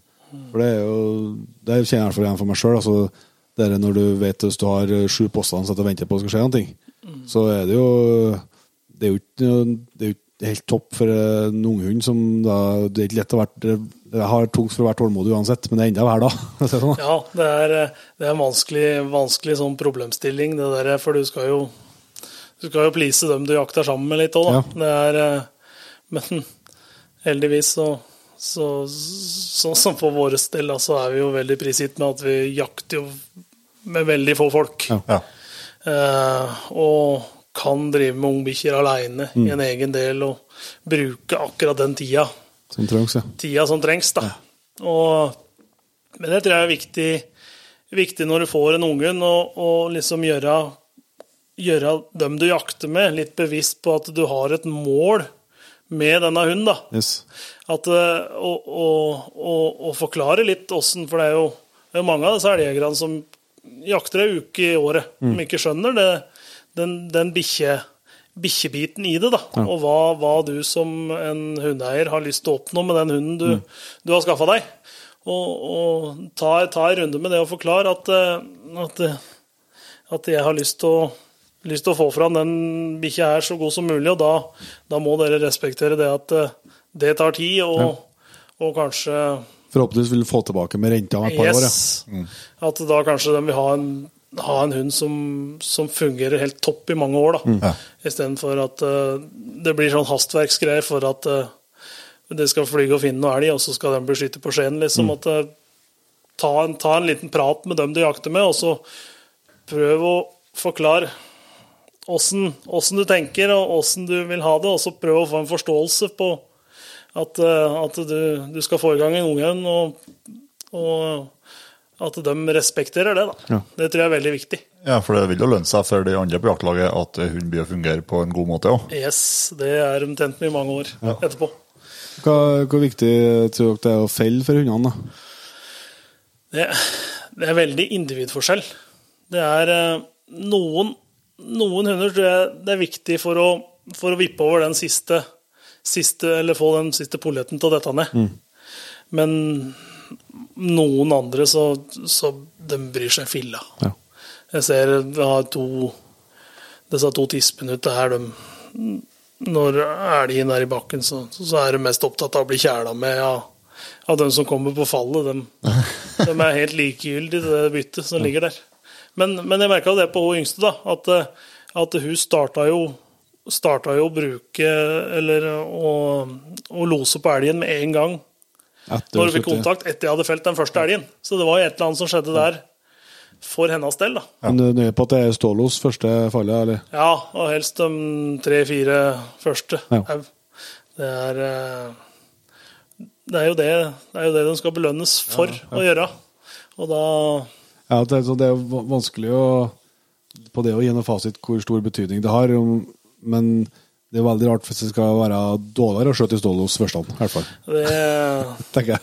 det er førstepri å få skyte i, skyte i stålos. Altså det, er, det er nesten en liten sånn dødssynd å skyte, skyte Skien første elgen. Det, det, Da, da, da skal man være stor, den juksen, ja. eh, så mye dager tror jeg en ikke får.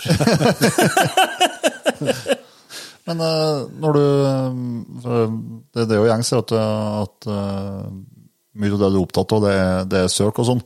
Når du, når du, når du eh, i avlen og, og når, du, når du leter litt gjennom linja og sånn, eh, du, ser du ofte mye på nullprøver nå for å se på altså på en hund ser du mye på nullprøver nå for å se hvordan utslag det er på søk og sånn der? Eh, Ja, det er, det er jo en veldig god indikasjon da, på, på hvordan søket er på en hund. Ja. At han har faktisk gått hele dagen og ikke finner hjelm. Ja. Og, eh, så det er det som jeg sa, at ei en nullprøve kan være veldig mye verdt sånn Ja. som eh, når du skal seinere finne en avlshund. Ja. Mm. At, eh, at du ser at han, han har viljen til å søke. Ja. Sjøl om, eh, selv om det ikke, ikke fant elg i det terrenget den dagen. Så, Ja, for- men og så er det jo veldig mye Det er jo veldig mange andre, andre ting som du ser på. Det er jo, jeg, vi er jo veldig opptatt av alder, da. ja. Alder når, når hundene er premiert. da, Hvis de er kanskje premiert når de er litt eldre. og så ta en telefon, og jeg er veldig på det, og så spør han når. Når begynte, når begynte den hunden å jage? Ja. Var han ung når han begynte å jage? For det, det tror jeg er på en måte I avlsmessig betydning så er eh, Så tror jeg du skal bruke naturtalentene, dem det ligger genetisk naturlig for. At du ikke er et treningsprodukt, men et naturtalent. Det tror jeg er eh, Og det tror jeg er ganske arvelig. Ja. For, altså, ja, for at en, et treningsprodukt kan bli en like bra jakthund, Absolutt. men det er ikke sikkert at det er det som er riktige avls... Nei, det er, eh, det er som Sjøl om alle, alle jaktsjampioner er ikke avlshunder. Sjøl om det er en fantastisk hund når den kanskje ble tre, tre år gammel. da. Men, men jeg vil helst ha dem finne de hundene som er, var unge. Som, som ting, brikkene falt på plass veldig fort. da. At, eh, at de, de var tidlig i gang. Også selvfølgelig på bredda da, på kullet. Er det flere avkom som, eh, som jager bra i ung alder, og, og bakover i linjene, da. Ja. Så det er eh, Jeg har mange timer på sengekanten på hit til Elgund Katrin, eh, Katrin har ligget på sidelinja ved siden av meg mange, mange timer som jeg sitter og blar og sjekker bikkjer på, på kveldstid Ja. før jeg legger meg. Så, og er inne på prøveresultater og sjekker og, og veldig research på når jeg skal finne en avlshane til, til tispene. Da. Veldig nøye på det, og veldig nøye på alder. Og, og så ser jeg, ser jeg på prøveresultatene, da, selvfølgelig. At, eh, at eh, Jeg gleder meg både gleder meg og, og gruer meg til Jeg håper jo den dagen på et eller annet tidspunkt kommer at, at uh, vedlagt alle skogskortene så ligger det uh, tilgjengelig i trekkerloggen for den prøven. For at det, det, det Jeg syns du leser skogskort, og du skjønner jo liksom del av det som skjer på prøven. Men, men da så er det jo noe, i hvert fall når du bruker peiler mye, så det er mye lettere å faktisk se hvordan den funker hvis du har fått sett, altså fått sett både farta og, og, og bevegelsene og alt sånn. Mm. Det, det må jo komme på et tidspunkt, og da kan du tro du kommer til å bruke mye tid. da. Ja. Når du skal Men det, det, er, det, er, det, er, det er godt poeng, det. Men, men det, er, det er noe med, noe med det at eh, da blir det så veldig eh, Hvis alt på en måte blir så blir det så veldig mange som kommer til å sofadømme den bikkja. Jo, men hun er jo dømt, hun er jo ferdig dømt, da. Ja, men, eh, men, men etterdømme, da. Ja, Etterpå. ja. At, hun og begynner å pirke på Pirke på, på den dommeren som kanskje har vært ute sine Jo, det skjønner, det skjønner jeg. Men samtidig, Ja, ja, så, sånn, ja, ja. samtidig så er jo Men jeg ser, jeg ser, jeg ser fordelen. Ja, og så så er målsettinga jo, jo at Jeg skjønner at det, at det er umulig, men i en perfekt verden så, så dømmer jo alle alltid alt likt. Mm. Sant? Og da dess mer, eh, dess mer du får se av hvordan andre dommere dømmer, dess mer likt må det jo kunne bli. Ja da, ja da.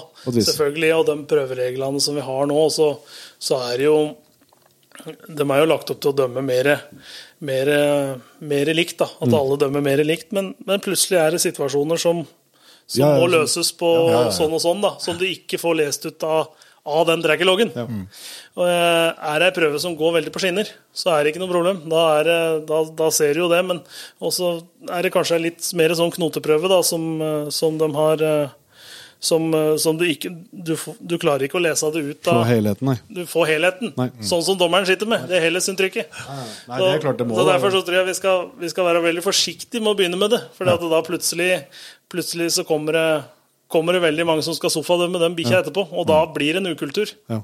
Så det, tanken er veldig god, men, men eh, sofadømming på tracker, det er det blir ikke helt det samme som å være ute. Nei, det er- Sjøl om du får en indikasjon på åssen ting har gått, men det kan være veldig mange forskjellige ting som gjør at det blir sånn og sånn. Da. Ja. Jeg synes jo den, den, den første prøven jeg gikk med Brutus, det er et sånn eksempel på det, på det du sier der. Da, for det eh, da satt jo oppdretteren, en om- omorteren, satt og fulgte med på trekkeren Ja. mens jeg gikk prøven. Og, og han var jo kjempefornøyd. vet du, Han, han så på trekkeren, og det her går jo så det jo med. Eh, Men det han ikke visste, var at, eh, at hver gang det var litt stilt på losen, så jaga jo hund rådyr.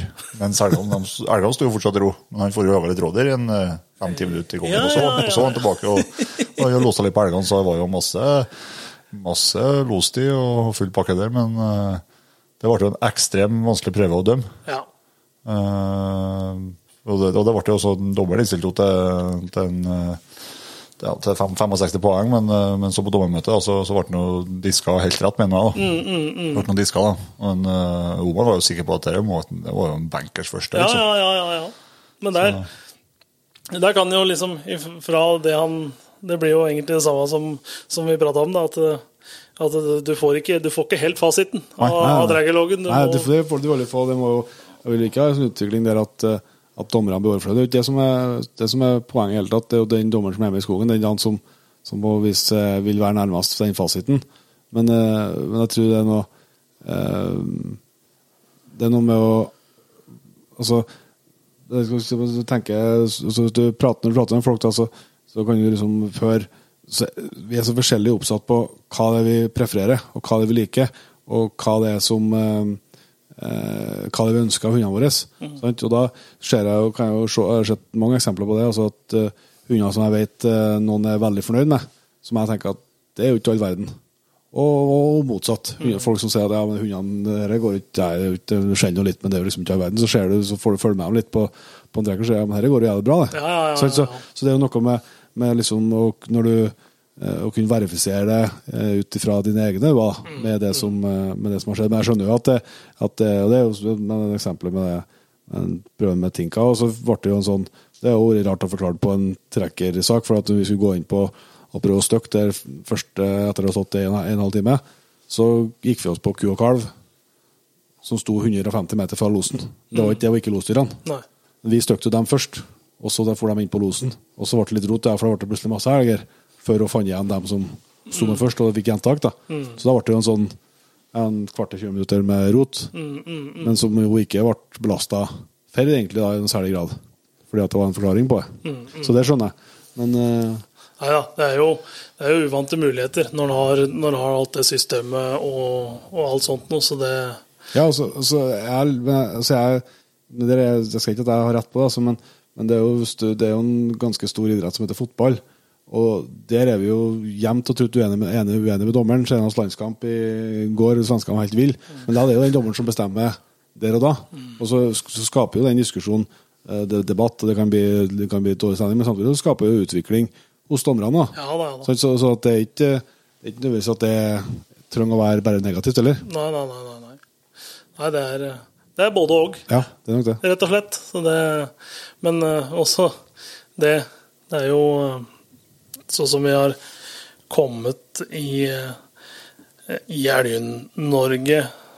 Det er jo veldig mange som dessverre, da, og ta en liten sånn Når vi først har mulighet til å prate litt her, så må jeg ta en litt sånn, litt sånn oppstrekk av, av, litt sånn ukultur, da, Kjør på. som har blitt.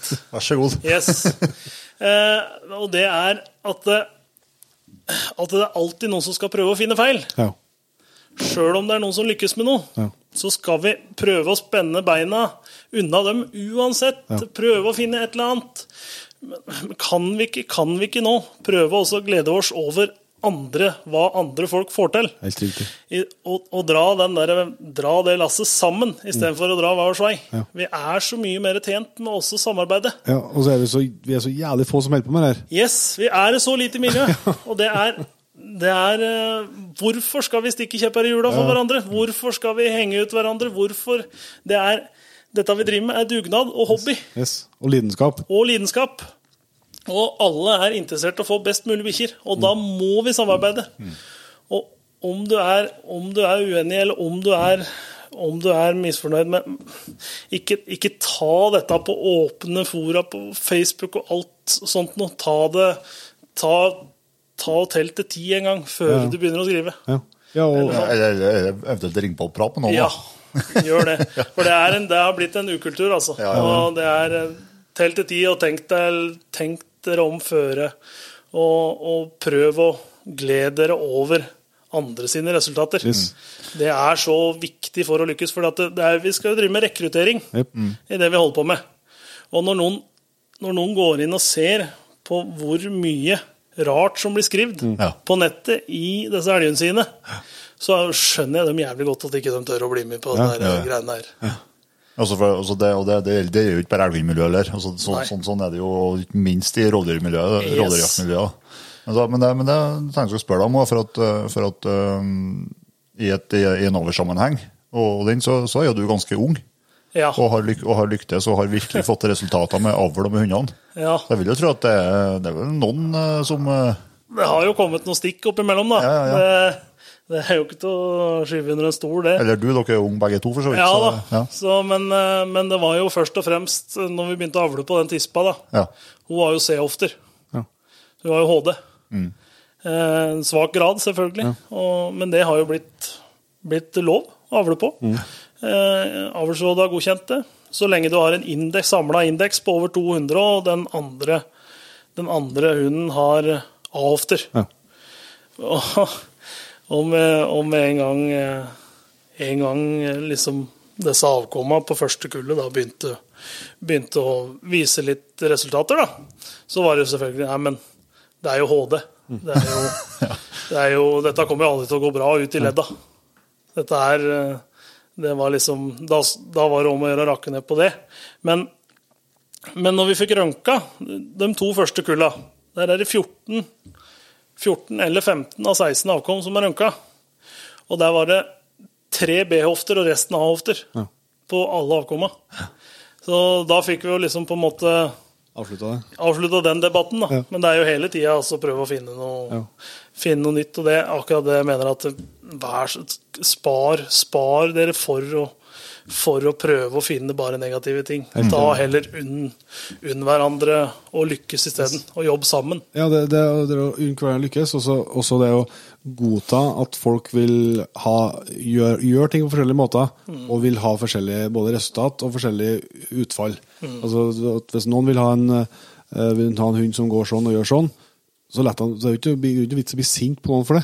Nei. Må får få lov til å gjøre det. Ja. Og, og hvis noen vil ha en hund som er helt annerledes, ja, så la dem holde på med det. Ja, ja, ja. ja. Hvis, du, hvis du vil være midt imellom, ja, så er det fint for deg. Det er jo ikke noen grunn til å, å ta noen. Mm. Nei, fordi at de har lyst til å gjøre noe på enten om det, om det kommer på et avl, eller om det kommer til hvordan du jager inn, eller du, hvor lenge du vil at hunden skal henge på. Eller, det, er jo bare å gjøre det sånn som du sjøl ønsker, og det som er rett for deg sjøl. Det eh, det er litt eh, sånn at det, både jegermiljø og, og elghundmiljø og alt Det er jo ikke så, det er ikke så store miljøer. Nei. Men vi må være veldig forsiktige. Må ikke bli hverandres verste fiende. Yes. Og, og utad òg, i forhold til alle andre som Det er jo, det er jo eh, det er jo masse meninger om jakt og bikkjer og, og den, det, vi, det vi liker å holde på med. Men i hvert fall ikke bli hverandres verste fiender. Og, og, og, og, og, stikke, og stikke hverandre. Det, vi, må, vi må stå sammen for å, for å forsvare det vi, det vi liker å drive med, og, og vise det på en God måte, ja. god måte Ja. utad til alle dem som ikke driver med dette. Og, og med rekruttering og alt sånt noe, så, så ja, heller ta telt tell til ti noen ganger. Men hvis du fortsetter på litt hva, hva tenker dere som om avlen, både egen avl framover, men liksom også for, for gråing som dere kjenner best, hva er, hva er det som er viktig å, å ta vare på og fokusere eh, ekstra på i årene som kommer? Nei, det er at vi må vi, Jeg syns, jeg syns uh, avlsrådet er, eh, er veldig, blitt veldig flinke og kommet bra på banen eh, den siste tida. Og, og, og prøver å dra inn dra inn kantene liksom, og prøve å få enda mer bredde i avlsmassen Ja. som vi skal avle på. da. Og så Altså, jeg er jo har jo veldig mye tanker om avl. Jeg, jeg driver med løshunder, og jeg avler bare på løshunder. Ja.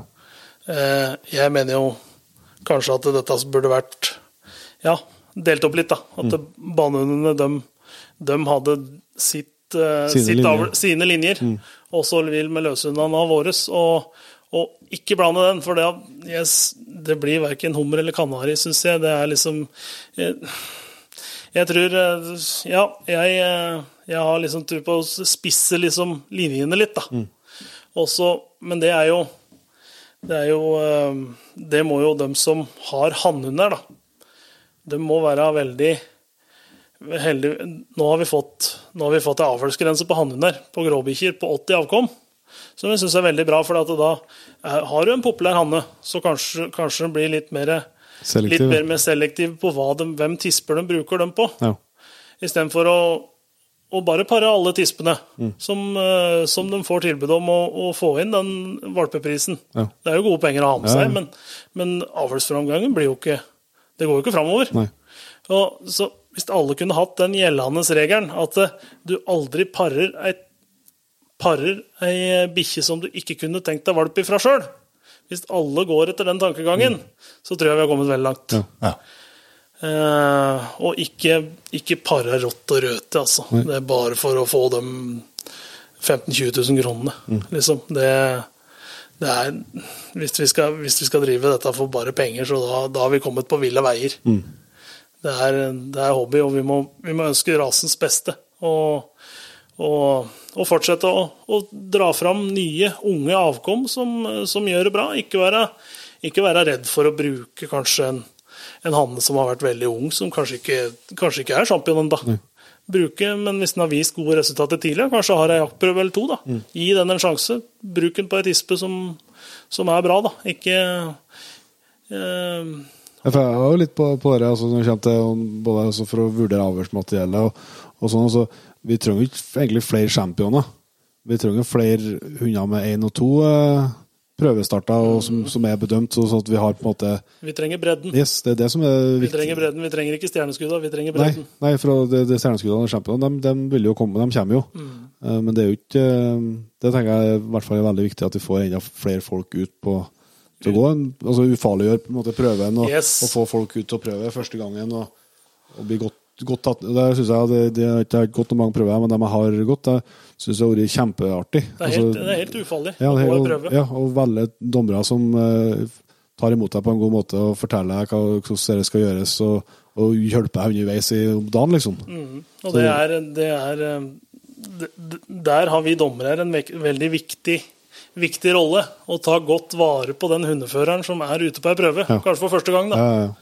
Og, og, og gjøre dette til en positiv opplevelse, sjøl om kanskje ikke dagen blir helt som Håpa, nei. håpa. Nei. Men i hvert fall eh, back up, da, og så, og så liksom eh, motivere den til kanskje å starte en gang til. da. Ja. Og det, er- det er det som er viktig, og det er derfor vi ikke må ha, ha den der ukulturen i miljøet. da. Og, og rakke ned på hverandre, for da er det ingen som tør å komme inn. Nei. Nei, nei.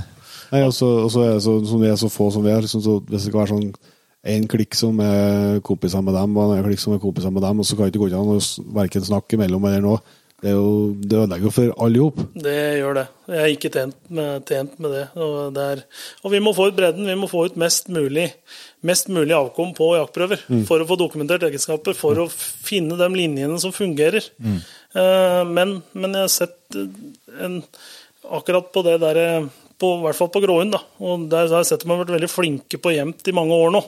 At de begynner å få veldig gode kullverdier på flere kull.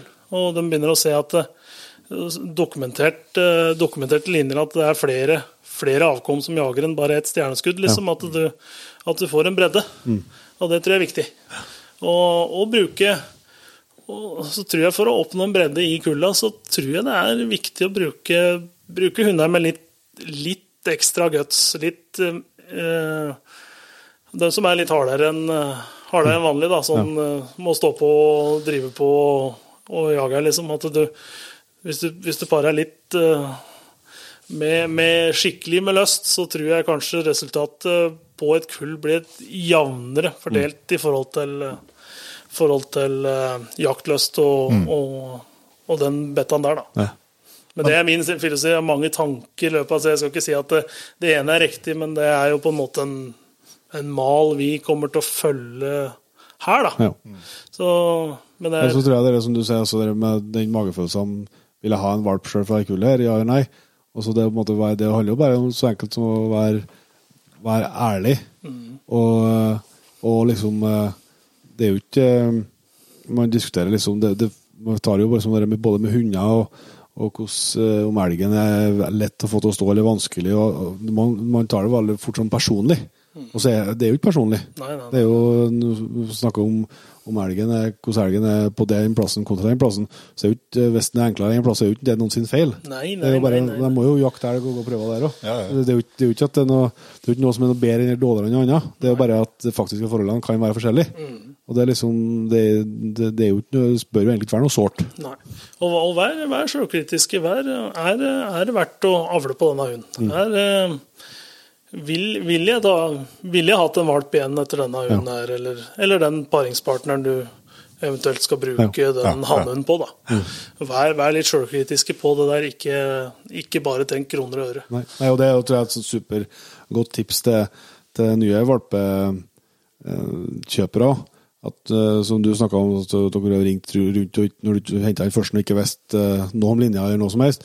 Og bruk det som en sånn, eh, som en sånn sjekk eh, på, hvis du ringer på et kull og spør nettopp om det skal dere beholde noe sjøl, eller skal hannhunden, paringsvalpen, skal han bli igjen, eller er det noen i jaktlaget som skal ha valper av et kull her? Eh, For eh, hvis svaret på alt det er nei, så er, bør i hvert fall forklaringen være god. da, på hvorfor det er sånn. Og så syns jeg det er veldig fint, sånn som nå har vi jo alt data eh, Alt ligger på nett. Så, så ta Jeg kan gjøre det hvis jeg skal velge en avlshanne, da, eller, eller ja, hvis du skal finne en valp da, sjøl, etter ei tispe eller etter en hanne. Så nå får du opp navna på hvem som har dømt denne hunden. Ta, ring, ta ring til den, da, og så spør litt åssen den hunden var. Åssen åssen var, ja. hva, hva var inntrykket ditt? Fordi at eh, vi kan, vi kan jo lese mye ut av et skogskort, men det er jo en, det er jo en helhetsvurdering Ja, ja. Som, som kanskje dommeren sitter med, da. Som, Ja, og så, eh, og så skal jo 300 og noen dager i hvert fall ha hund eh, i, i hus sammen med deg. Mm. Så den bør jo være Det er jo noe med type og syke og, Mm. og sånn som bør ha litt er ha litt kjennskap til, tenker jeg. Og det, det er veldig det, det letteste er å få, få et ordentlig svar fra den en tredjeperson. da. Ja, ja, ja. Hvordan, så det er et tips når du skal finne valp og finne, finne avlshunder og hanner og alt sånt noe. Sjekk, sjekk mer rundt enn en, en den, som- den som eventuelt har den. Sjekk, sjekk rundt på og sjekk kullsøsknene, åssen de har vært, og, og sjekk med dommere som har dømt den, og, og gjør en grundig research på det på det, det der, da. Det tror jeg er veldig viktig. For da får du forskjellige oppfatninger, og så kan du, kan du liksom tenke at ha, har jeg trua på denne her? Har jeg trua på en valp etter, denne, etter den, den kombinasjonen der, da. Så, Med, med det resultatet som, som dere har fått til, så er en ting å, å velge, ut, velge ut valper, men uh, du skal jaggu treffe med, med valpkjøpere nå, da. ja. ja, det er eh, De, er ikke, de, de finner jo ikke på å hitte elghund. Ja, Nei. det kan gjøre det, hvis de har hunder før. Det, det er jo Det er Det har jo vært utrolig heldig. Det er jo litt snakk om å ha At vi hadde rett og slett eh, flaks med første kullet, hvor, hvor valpene havna hen. Ja.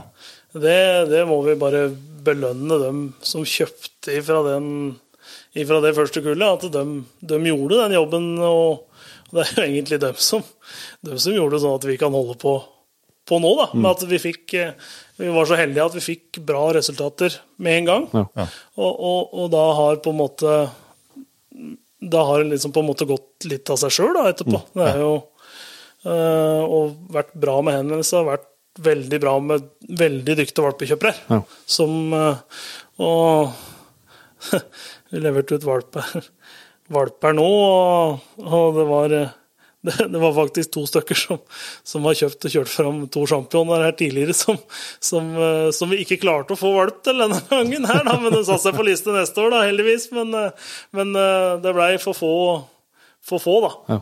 Så og, og det er jo på en måte et litt, litt luksusproblem, da. Klart. Ja, ja, ja. Og vi er veldig heldige, og det, vi er jo veldig takknemlige for alle de, de valpekjøperne som gjør den jobben. Mm. Og det, de, de gjør en veldig innsats for vårs, og, og, og så er det utrolig moro å følge med dem da, Ja, ja, når det går så bra. Det er jo det er like moro det som å, å drive med egne bikkjer. Ja. Så nesten like nervøs når de skal starte på prøven, som, som du sjøl er. Når du skal ut. Så det er Du får, får ikke gjort mye på arbeidet i dagene der når du har følger med på trekker. Nei, det Det er håpløst vet du, å få gjort noe annet, da. Du får ikke tro det sånn som sjefene mine hører på. Det er eh, Nei, det blir litt sugd opp av det. Og følge med. Og der begynte det å blinke, og nå er det faen meg Nå, nå, nå har jeg trua, liksom. Eller så er det ett blink og så en rett strek, og så går alt. alt så det Blir, blir vant til det, også. ja da, ja da. Ja. Så det, ja, det, er moro, det er moro å følge med. Og, veldig, og så tror jeg det er veldig viktig å holde det på et sånt nivå at, eh, at du kan ha en ganske personlig tilnærming til valpekjøperne du har. At du har faktisk tid til å kunne følge dem opp, ta en telefon, skrive noen meldinger, og, og hvis de lurer på noe, kunne rådføre og høre litt åssen det går, og hjelpe dem med å komme seg ut på prøver og på utstillinger, og legge litt til rette for at, eh, for at de skal få komme seg ut. Da. For det er jo ikke alle Vi har jo, hatt, eh, vi har jo solgt valper til folk som ikke har, eh, ikke har drevet så mye med prøver og sånt noe før. Og, og, og, og vært litt behjelpelig med å Jeg har litt, ringt litt rundt, da, for jeg har begynt å få en del kontakter i miljøet etter disse åra her. Og ringt litt og har dere, har dere kapasitet til å ta imot ei bikkje nå Ja. på ei prøve, da? Og, og gjøre den researchen som kanskje de, de kvier seg litt for å Begynne med sjøl, ja. ja, begynne med sjøl, da. Og hjelpe dem fram. Liksom. Det tror jeg er veldig viktig. Ja. Og da tror jeg det er viktig å ikke ha, bli, At det blir for stort at du klarer å kunne følge opp eh, følge opp valpekjøperne dine. Og ha, en, ha et personlig bra forhold til dem, da. Ja. Og det, det tror jeg er viktig. Samarbeid mellom oppdretter og valpkjøper. Klart det. Veldig bra. Veldig bra. Jeg tror vi skal Klokka går jo, vi har jo en eh, 12-13 timer å kjøre hjem, så vi skal Vi må dessverre begynne å runde av. Jeg tror ikke vi har hatt noe problem med å sitte her to timer til, Ola. Det tror jeg vi skal få til veldig godt, men eh, vi får, vi får ta opp igjen den tråden senere. Men jeg vet jo du har hørt litt på Jegerpoden, så at eh, du er kanskje kjent på at vi har, noe, vi har en fast eh, takst på slutten. Ja. Og det må vi jo fortsatt eh, komme gjennom med, deg òg. Så vi starter med jakttips. da. Nå har du jo eh, ausa ut med tips til både jakt og hunder her, men eh, hvis du skal trekke fram et eh, beste jakttips? Det er jo det er jo veldig Det er jo som veldig mange andre som har vært eh, gjester her, som jeg har hørt på, da. Men det er jo, det er jo rett og slett å hvis du, går, hvis du går på det med hund og valp, da, så er det bruke mye tid, bruke knytte bånd eh, Tell den valpen. Ha tid til den valpen, Ja. rett og slett. Ikke, ikke kjøp den valpen i hu og hast. Ha tid til den valpen. Ha, sett av sett av mye tid. Og bruk mye tid på å være ute med den. Det er, eh, det er For du får eh, hvis, hvis, de, hvis de andre tingene er liksom på plass, så får du, får du den hunden du kanskje fortjener. Da. Hvis ja. alle, alle egenskaper og sånne ting er på plass, så, så, så bruk, bruk tid på det, det evnet du har fått tildelt. Ja. Det, er, eh, det er viktig. Har du ikke tid til å ha en valp eh, da det året, heller vent. Til neste år, ja. Til neste år. Du, og så tror jeg det kanskje er gjør sånn som vi prøver å gjøre en hund en hund ferdig. Til, gjør deg tilfreds med én hund, kanskje, før du skaffer en ny en. da. Ja. Eh, bruk all den tid og energi du har på én, også før du eventuelt skaffer en ny en. Ja. Det tror jeg må bli tipset. Å være mye ute, selvfølgelig. Og så skal over på utstyr, da. Hvis det er noe utstyr du har eh, kjøpt og fått den eh, siste tida, er det noe spesielt du vil anbefale der? Eh, Det er jo eh, Det har jo på en måte vært i noen flere år nå, da, men, eh, men jeg må jo trekke fram, trekker trekke fram trekkeren som absolutt et must, eh, et must eh, nå, altså. Det er eh, både for å være litt sosial i heimen på kveldstid. og altså tror jeg det er den beste investeringen jeg noen gang har gjort. Så, altså, det, det kan nesten ikke bli noe annet enn trekkeren. Det er forståelig. Ja, det er forståelig. Men har du noen jaktdrøm da, som du ikke har fått uh, levd ut uh, ja? Ja, det er eh, Jeg satt og tenkte, tenkte på det, og, og det er på en måte to, to, egentlig to virkelig store drømmer, da. Jeg har. Det er jo også fått skyte i en bjørn i stålås for egen hund. Ja. Det tror jeg måtte vært en helt unik opplevelse. ja. Og så må det jo være altså få en i stålos på 20 pluss, da, en elgokse. Ja. Det, det er jo noe som, noe som man går og tenker på veldig mye da, i løpet av en høst. Som, Jeg tenker på omtrent kvart uttak. Jeg. ja, Nå er sannsynligvis eh, noe en der. nå er det en okse. Dette har jeg tro på, og så står, og så står det ei gammel ky. Ja, ja. Ja, det er ikke så sjelden. Her er, her er nødt til å være okse også. Ja. Så det sklir liksom litt av gårde, og det er liksom typisk oksehjel, og så står det her med en jævla lang loff når det kommer fram. Det er, det er liksom typisk. Det er bare å gå og legge seg i bilen. Oh, faen. Ja. Det er veldig bra.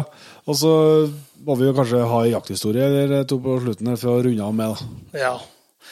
Eh, da jeg tenkt på, Det er jo mye sånne solskinnshistorier rundt omkring, og ting som går bra. Men nå skal jeg dra en som Der jeg og en kompis, en god kompis av meg, en som heter Torbjørn, vi reiste på Vi skulle jakte noen dager. Hadde, fikk lov til å komme til en plass og, og jakte noen dager, da. Og vi reiste, og hadde med, hadde med bikkje Jeg tror det var bare Kajsa vi hadde med bortover, da. Yes, og vi kosa oss og hadde loser og greier. Og, så, og det var jo ganske bra med elg i terrenget og greier. Og så, og så var vi litt uheldige første dagen. Hadde ikke eh, Det ble støkt av en turgåer og litt sånn, sånne ting. Så det, det hadde los, men fikk tak i hund og kjørte ut, kjørte ut av den plassen vi var, var på eftan der. Og i en høgst der så fikk vi se eh, kyr og kalv, også en en skikkelig åttetager en, med ordentlige greiper. Og et jævlig hakaskjegg. Og så, eh, vi kunne jo Vi, kunne jo, vi fikk jo lov til å skyte kalv. Men nei, det var jo det var seint utpå. Vi, vi måtte jo ha hundejobb. Ja. Det er jo hunde, hunde, hundejakta vi driver med. Ja. Så det er nå greit, da. Og så prata vi litt med han vi var hos, da. Og da fikk vi tillatelse til å skyte den åttetageren òg. Ja. For det var liksom en, en skapelig okse, da. Og så, og så reiste vi inn i samme område da, morgenen etterpå. Jøss, da. Der sov vi faen meg kyr og kalven. Oppi, oppi sto oppi en skaukrull, og der var en diger høgst rundt på alle kanter. Men den sto liksom i kanten på en skaukrull. Den var 20 ganger 20 meter. Ja. Og jøss, da. Jeg ut og lura meg ut av bilen. Vi, må, vi måtte jo slippe hund på den her. Vi måtte jo ha los. Det er jo, vi har jo ikke reist hit for å ikke ha los og skyte elg som vi ser, etter veien. Så dette var jo på en grusvei der, da. Så vi Dette, dette her blir jo dette blir jo lett, tenkte vi. Yes. Ikke noe problem. Denne, denne elgen er jo bankers. Og slapp ut, og, og bikkja reiste oppi, og, oppi der. Og det ble uttak. Og, da, og, og det sto jo bør, og den trakk de seg inn i den skaukerullen. Ja. Jøss, alt var jo Vi var jo veldig høye på strå, da. Dette her er jo nå, nå, var det egentlig bare å bestille henting, liksom, eller uh, elgtransport, egentlig, nå, da. Og så sa jeg til Torbjørn at vi får eh, Nei, vi får drikke litt kaffe. Vi må la det stå i hvert fall tre kvarter, da. Før vi skyter den her eh, elgen. Ja, Torbjørn var enig, han. Vi gikk inn i bilen og satt og drakk kaffe. Ja og kosa oss. Og det var, jo, det var jo verdens enkleste plass å skyte elg. Altså. Det, var, det var bare en skaukrull på 20 ganger 20 meter, og han kunne sitte i den ene plassen, og jeg kunne gått Uansett så, så hadde ikke de kommet seg unna. Ferdig. Og satt der i 20 minutter, halvtime, og poff, av gårde. Det var som å kløppe strengen. Kua og kalven og alt var borte. Og det blei ikke stopp igjen. Ikke i hele tatt. Og vi satt der, så, vi satt der slukøra begge to og kikka på hverandre og drakk kaffe. vet du. Det var, eh, da var det snakk om å være altfor cocky. Men det som også videre i den historia, da, den, den ble borte. Og så, og så gikk det en stund, og så kom bikkja tilbake igjen. Og nesten der uttaksplassen var, der ble det uttak på nytt. vet du. Da sto oksen igjen. Ja. Og, men det restet, restet i gangle og stoppa gikk og stoppa gikk. Og, og, og så hadde det kommet ganske mye snø. Det var ganske tungt for bikkja. Og, og så dæven, nå, nå kommer det en overgang her. Nå skal vi, nå skal vi få den åttetageren. Vi jazza hverandre opp vet du, og, og dro borti der. Og jeg fløy, og det var om å gjøre å være først ikke sant, til den overgangen. Og vi sto der begge to, og jeg satt på kne, og han satt, og begge dro av sikringa. vet du. Og så, og så, men da hadde det flyget Da hadde det vært litt uten at det hadde vært los. Og så hørte vi bikkja rett før det skulle passere veien. Og, og vi, vi satt i veien der og, og, og sikta, vet. Og, og hadde, jeg hadde jo fingra inntil trøkkpunktet. Liksom. Det var bare å se litt grann pels, så var det om å gjøre altså, få klemt på det. Der kom det jo bare ei bikkje. Det var ikke noe elg der. For da hadde bikkja klynka fordi at hun kom ikke fort nok fram. Så vi trodde dette var los. Ja, sånn. Og vi satt der som to spørsmålstegn og kikka og så jo elgsporet hadde jo kryssa veien før vi kom der, vet du. Og jazza hverandre så jævlig opp. Og jøss, da. Og bikkja Og så blei det los igjen, faktisk. Og så prøvde vi nytt forsøk. Og, og jeg opp en ås der og jøss, skulle forpostere. Da, hadde, da sto det. Og da skulle jeg bare forpostere, og så seig det fint. Veldig fint. Og jeg sto der. Nei, jeg var ikke helt fornøyd. Flytta meg 15 meter til sida, på andre sida av kule. Hva tror du skjedde? Ja, jeg skjønner det. Der jeg sto, der var det elgspor en halvmeter ifra der jeg hadde hatt fotobladene mine. Så, og da var det mørkt. Og det, så det Du skal ikke være for cocky når du er på jakt. Altså, det, var, det var lærepengen vi fikk den gangen der. Og det er, det er Den der har vi ledd veldig mye av. Ja, alt så ut til å være så enkelt, men eh, allikevel ble det ingenting. Jeg, jeg, jeg, rota bort en kalv på akkurat samme måten i høst. Jeg. Var helt utslept, og det har jo skjedd eh, langt faen i år, vet du, så så har jeg sett ku og kalv. Jeg var sikker på at jeg kom så aldri til å stå, for jeg trodde jeg måtte være var med på at um, det sto jo i uttaket. Ja. Og det sto jo på verdens enkleste plass å skjøte elg, liksom, så det var akkurat samme det. Jeg skal bare få stå nå en halvtime, tre kvarter. Ja. Så Jeg har jo skifta om, tok på meg ny ullskjorte og tok på litt mat. og det følger ikke med, med Peder nede, vet du. Nei. Og dere ble plutselig så njum, han og da børsa lå faen Ja, da.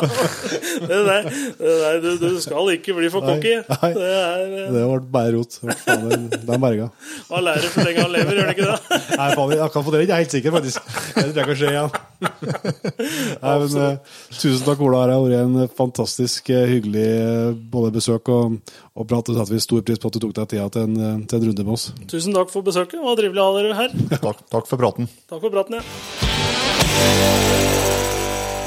Det var altså Ola Narverud, det, folkens. eh, Som dere skjønner, en eh, meget dedikert og dyktig hundkar hundekar og jeger.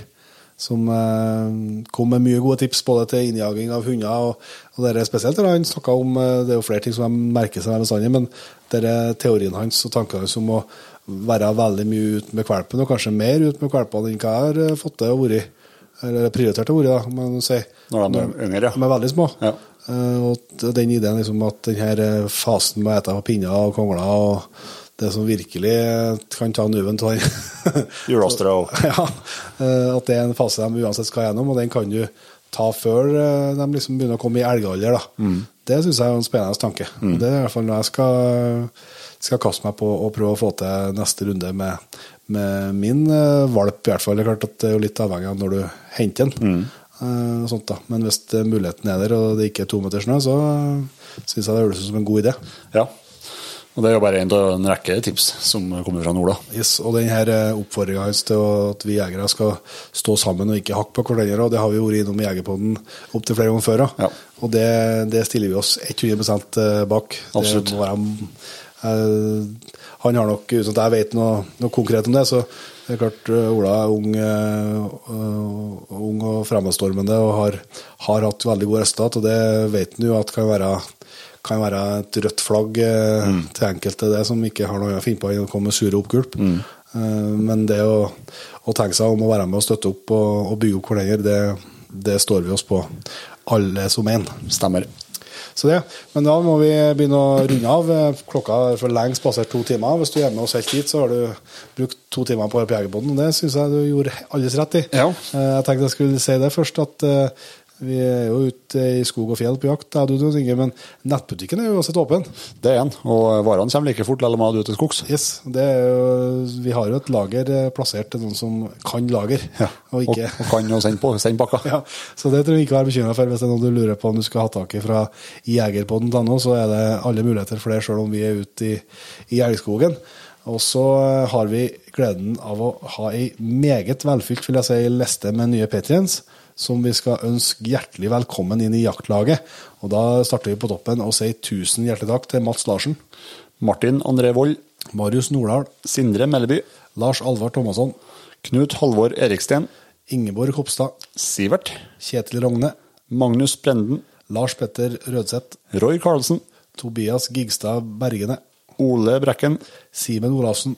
Simon Nikolaisen, Hans Jule, Morten Skåle, Christer Ellison, Tor Olav Jylland, Jon Fredrik Frøseth, Vegard Thon, Hans Christian Dyrvik Stensby, Lars Erik Stubbsjøen, Martin Bekkevold, Pål Åge Joten, Vetle, Andreas, Peder Langen, Jonas Ottosen, Liv Anette Jordmoen Staff, Hans Bertin Hjortland, Bjørnar Aas, Therese Søberg, Kristoffer Mælen, Kenneth Helgesen Øyen, Samson Kvame, Harald Grue, Arne, Jo Bjørnar Ryen, Gunn Hege, Hege Jordmoen, Stian Kragtorp Årstad Magnus Vingen. og Niklas Nordgård. Tusen hjertelig takk til alle dere, og selvsagt til alle som allerede er med og utgjør P3-laget. Vi er meget, meget glad i dere, og vi håper dere har lyst til å være med oss videre. Og hvis du som har hørt dette her nå, ikke er med i jaktlaget og har lyst til å bli med det, så ligger det lenke i beskrivelsen av episoden til det, eller du finner det på jegerpodden.no. Du er meget velkommen inn, eh, du òg. Yes. Men da, Jon Inge, er det Elgjakt! elgjakt. Vi er meget, meget klar, så vi eh, kommer tilbake neste uke med en ny episode. Får vi se om, det, eh, om vi har opplevd så mye på første uke elgjakt at det blir bare elg- elgjaktprat eh, med oss to, eller om vi må inn i arkivet og finne en annen episode. Det vil fremtiden vise. Det vil overraske meg om det blir noe annet enn inne fra arkivet. Det er vel bra odds for det. Nei, men Vi runder av der, så ser vi som bruker å ringe til neste gang. Vi høres.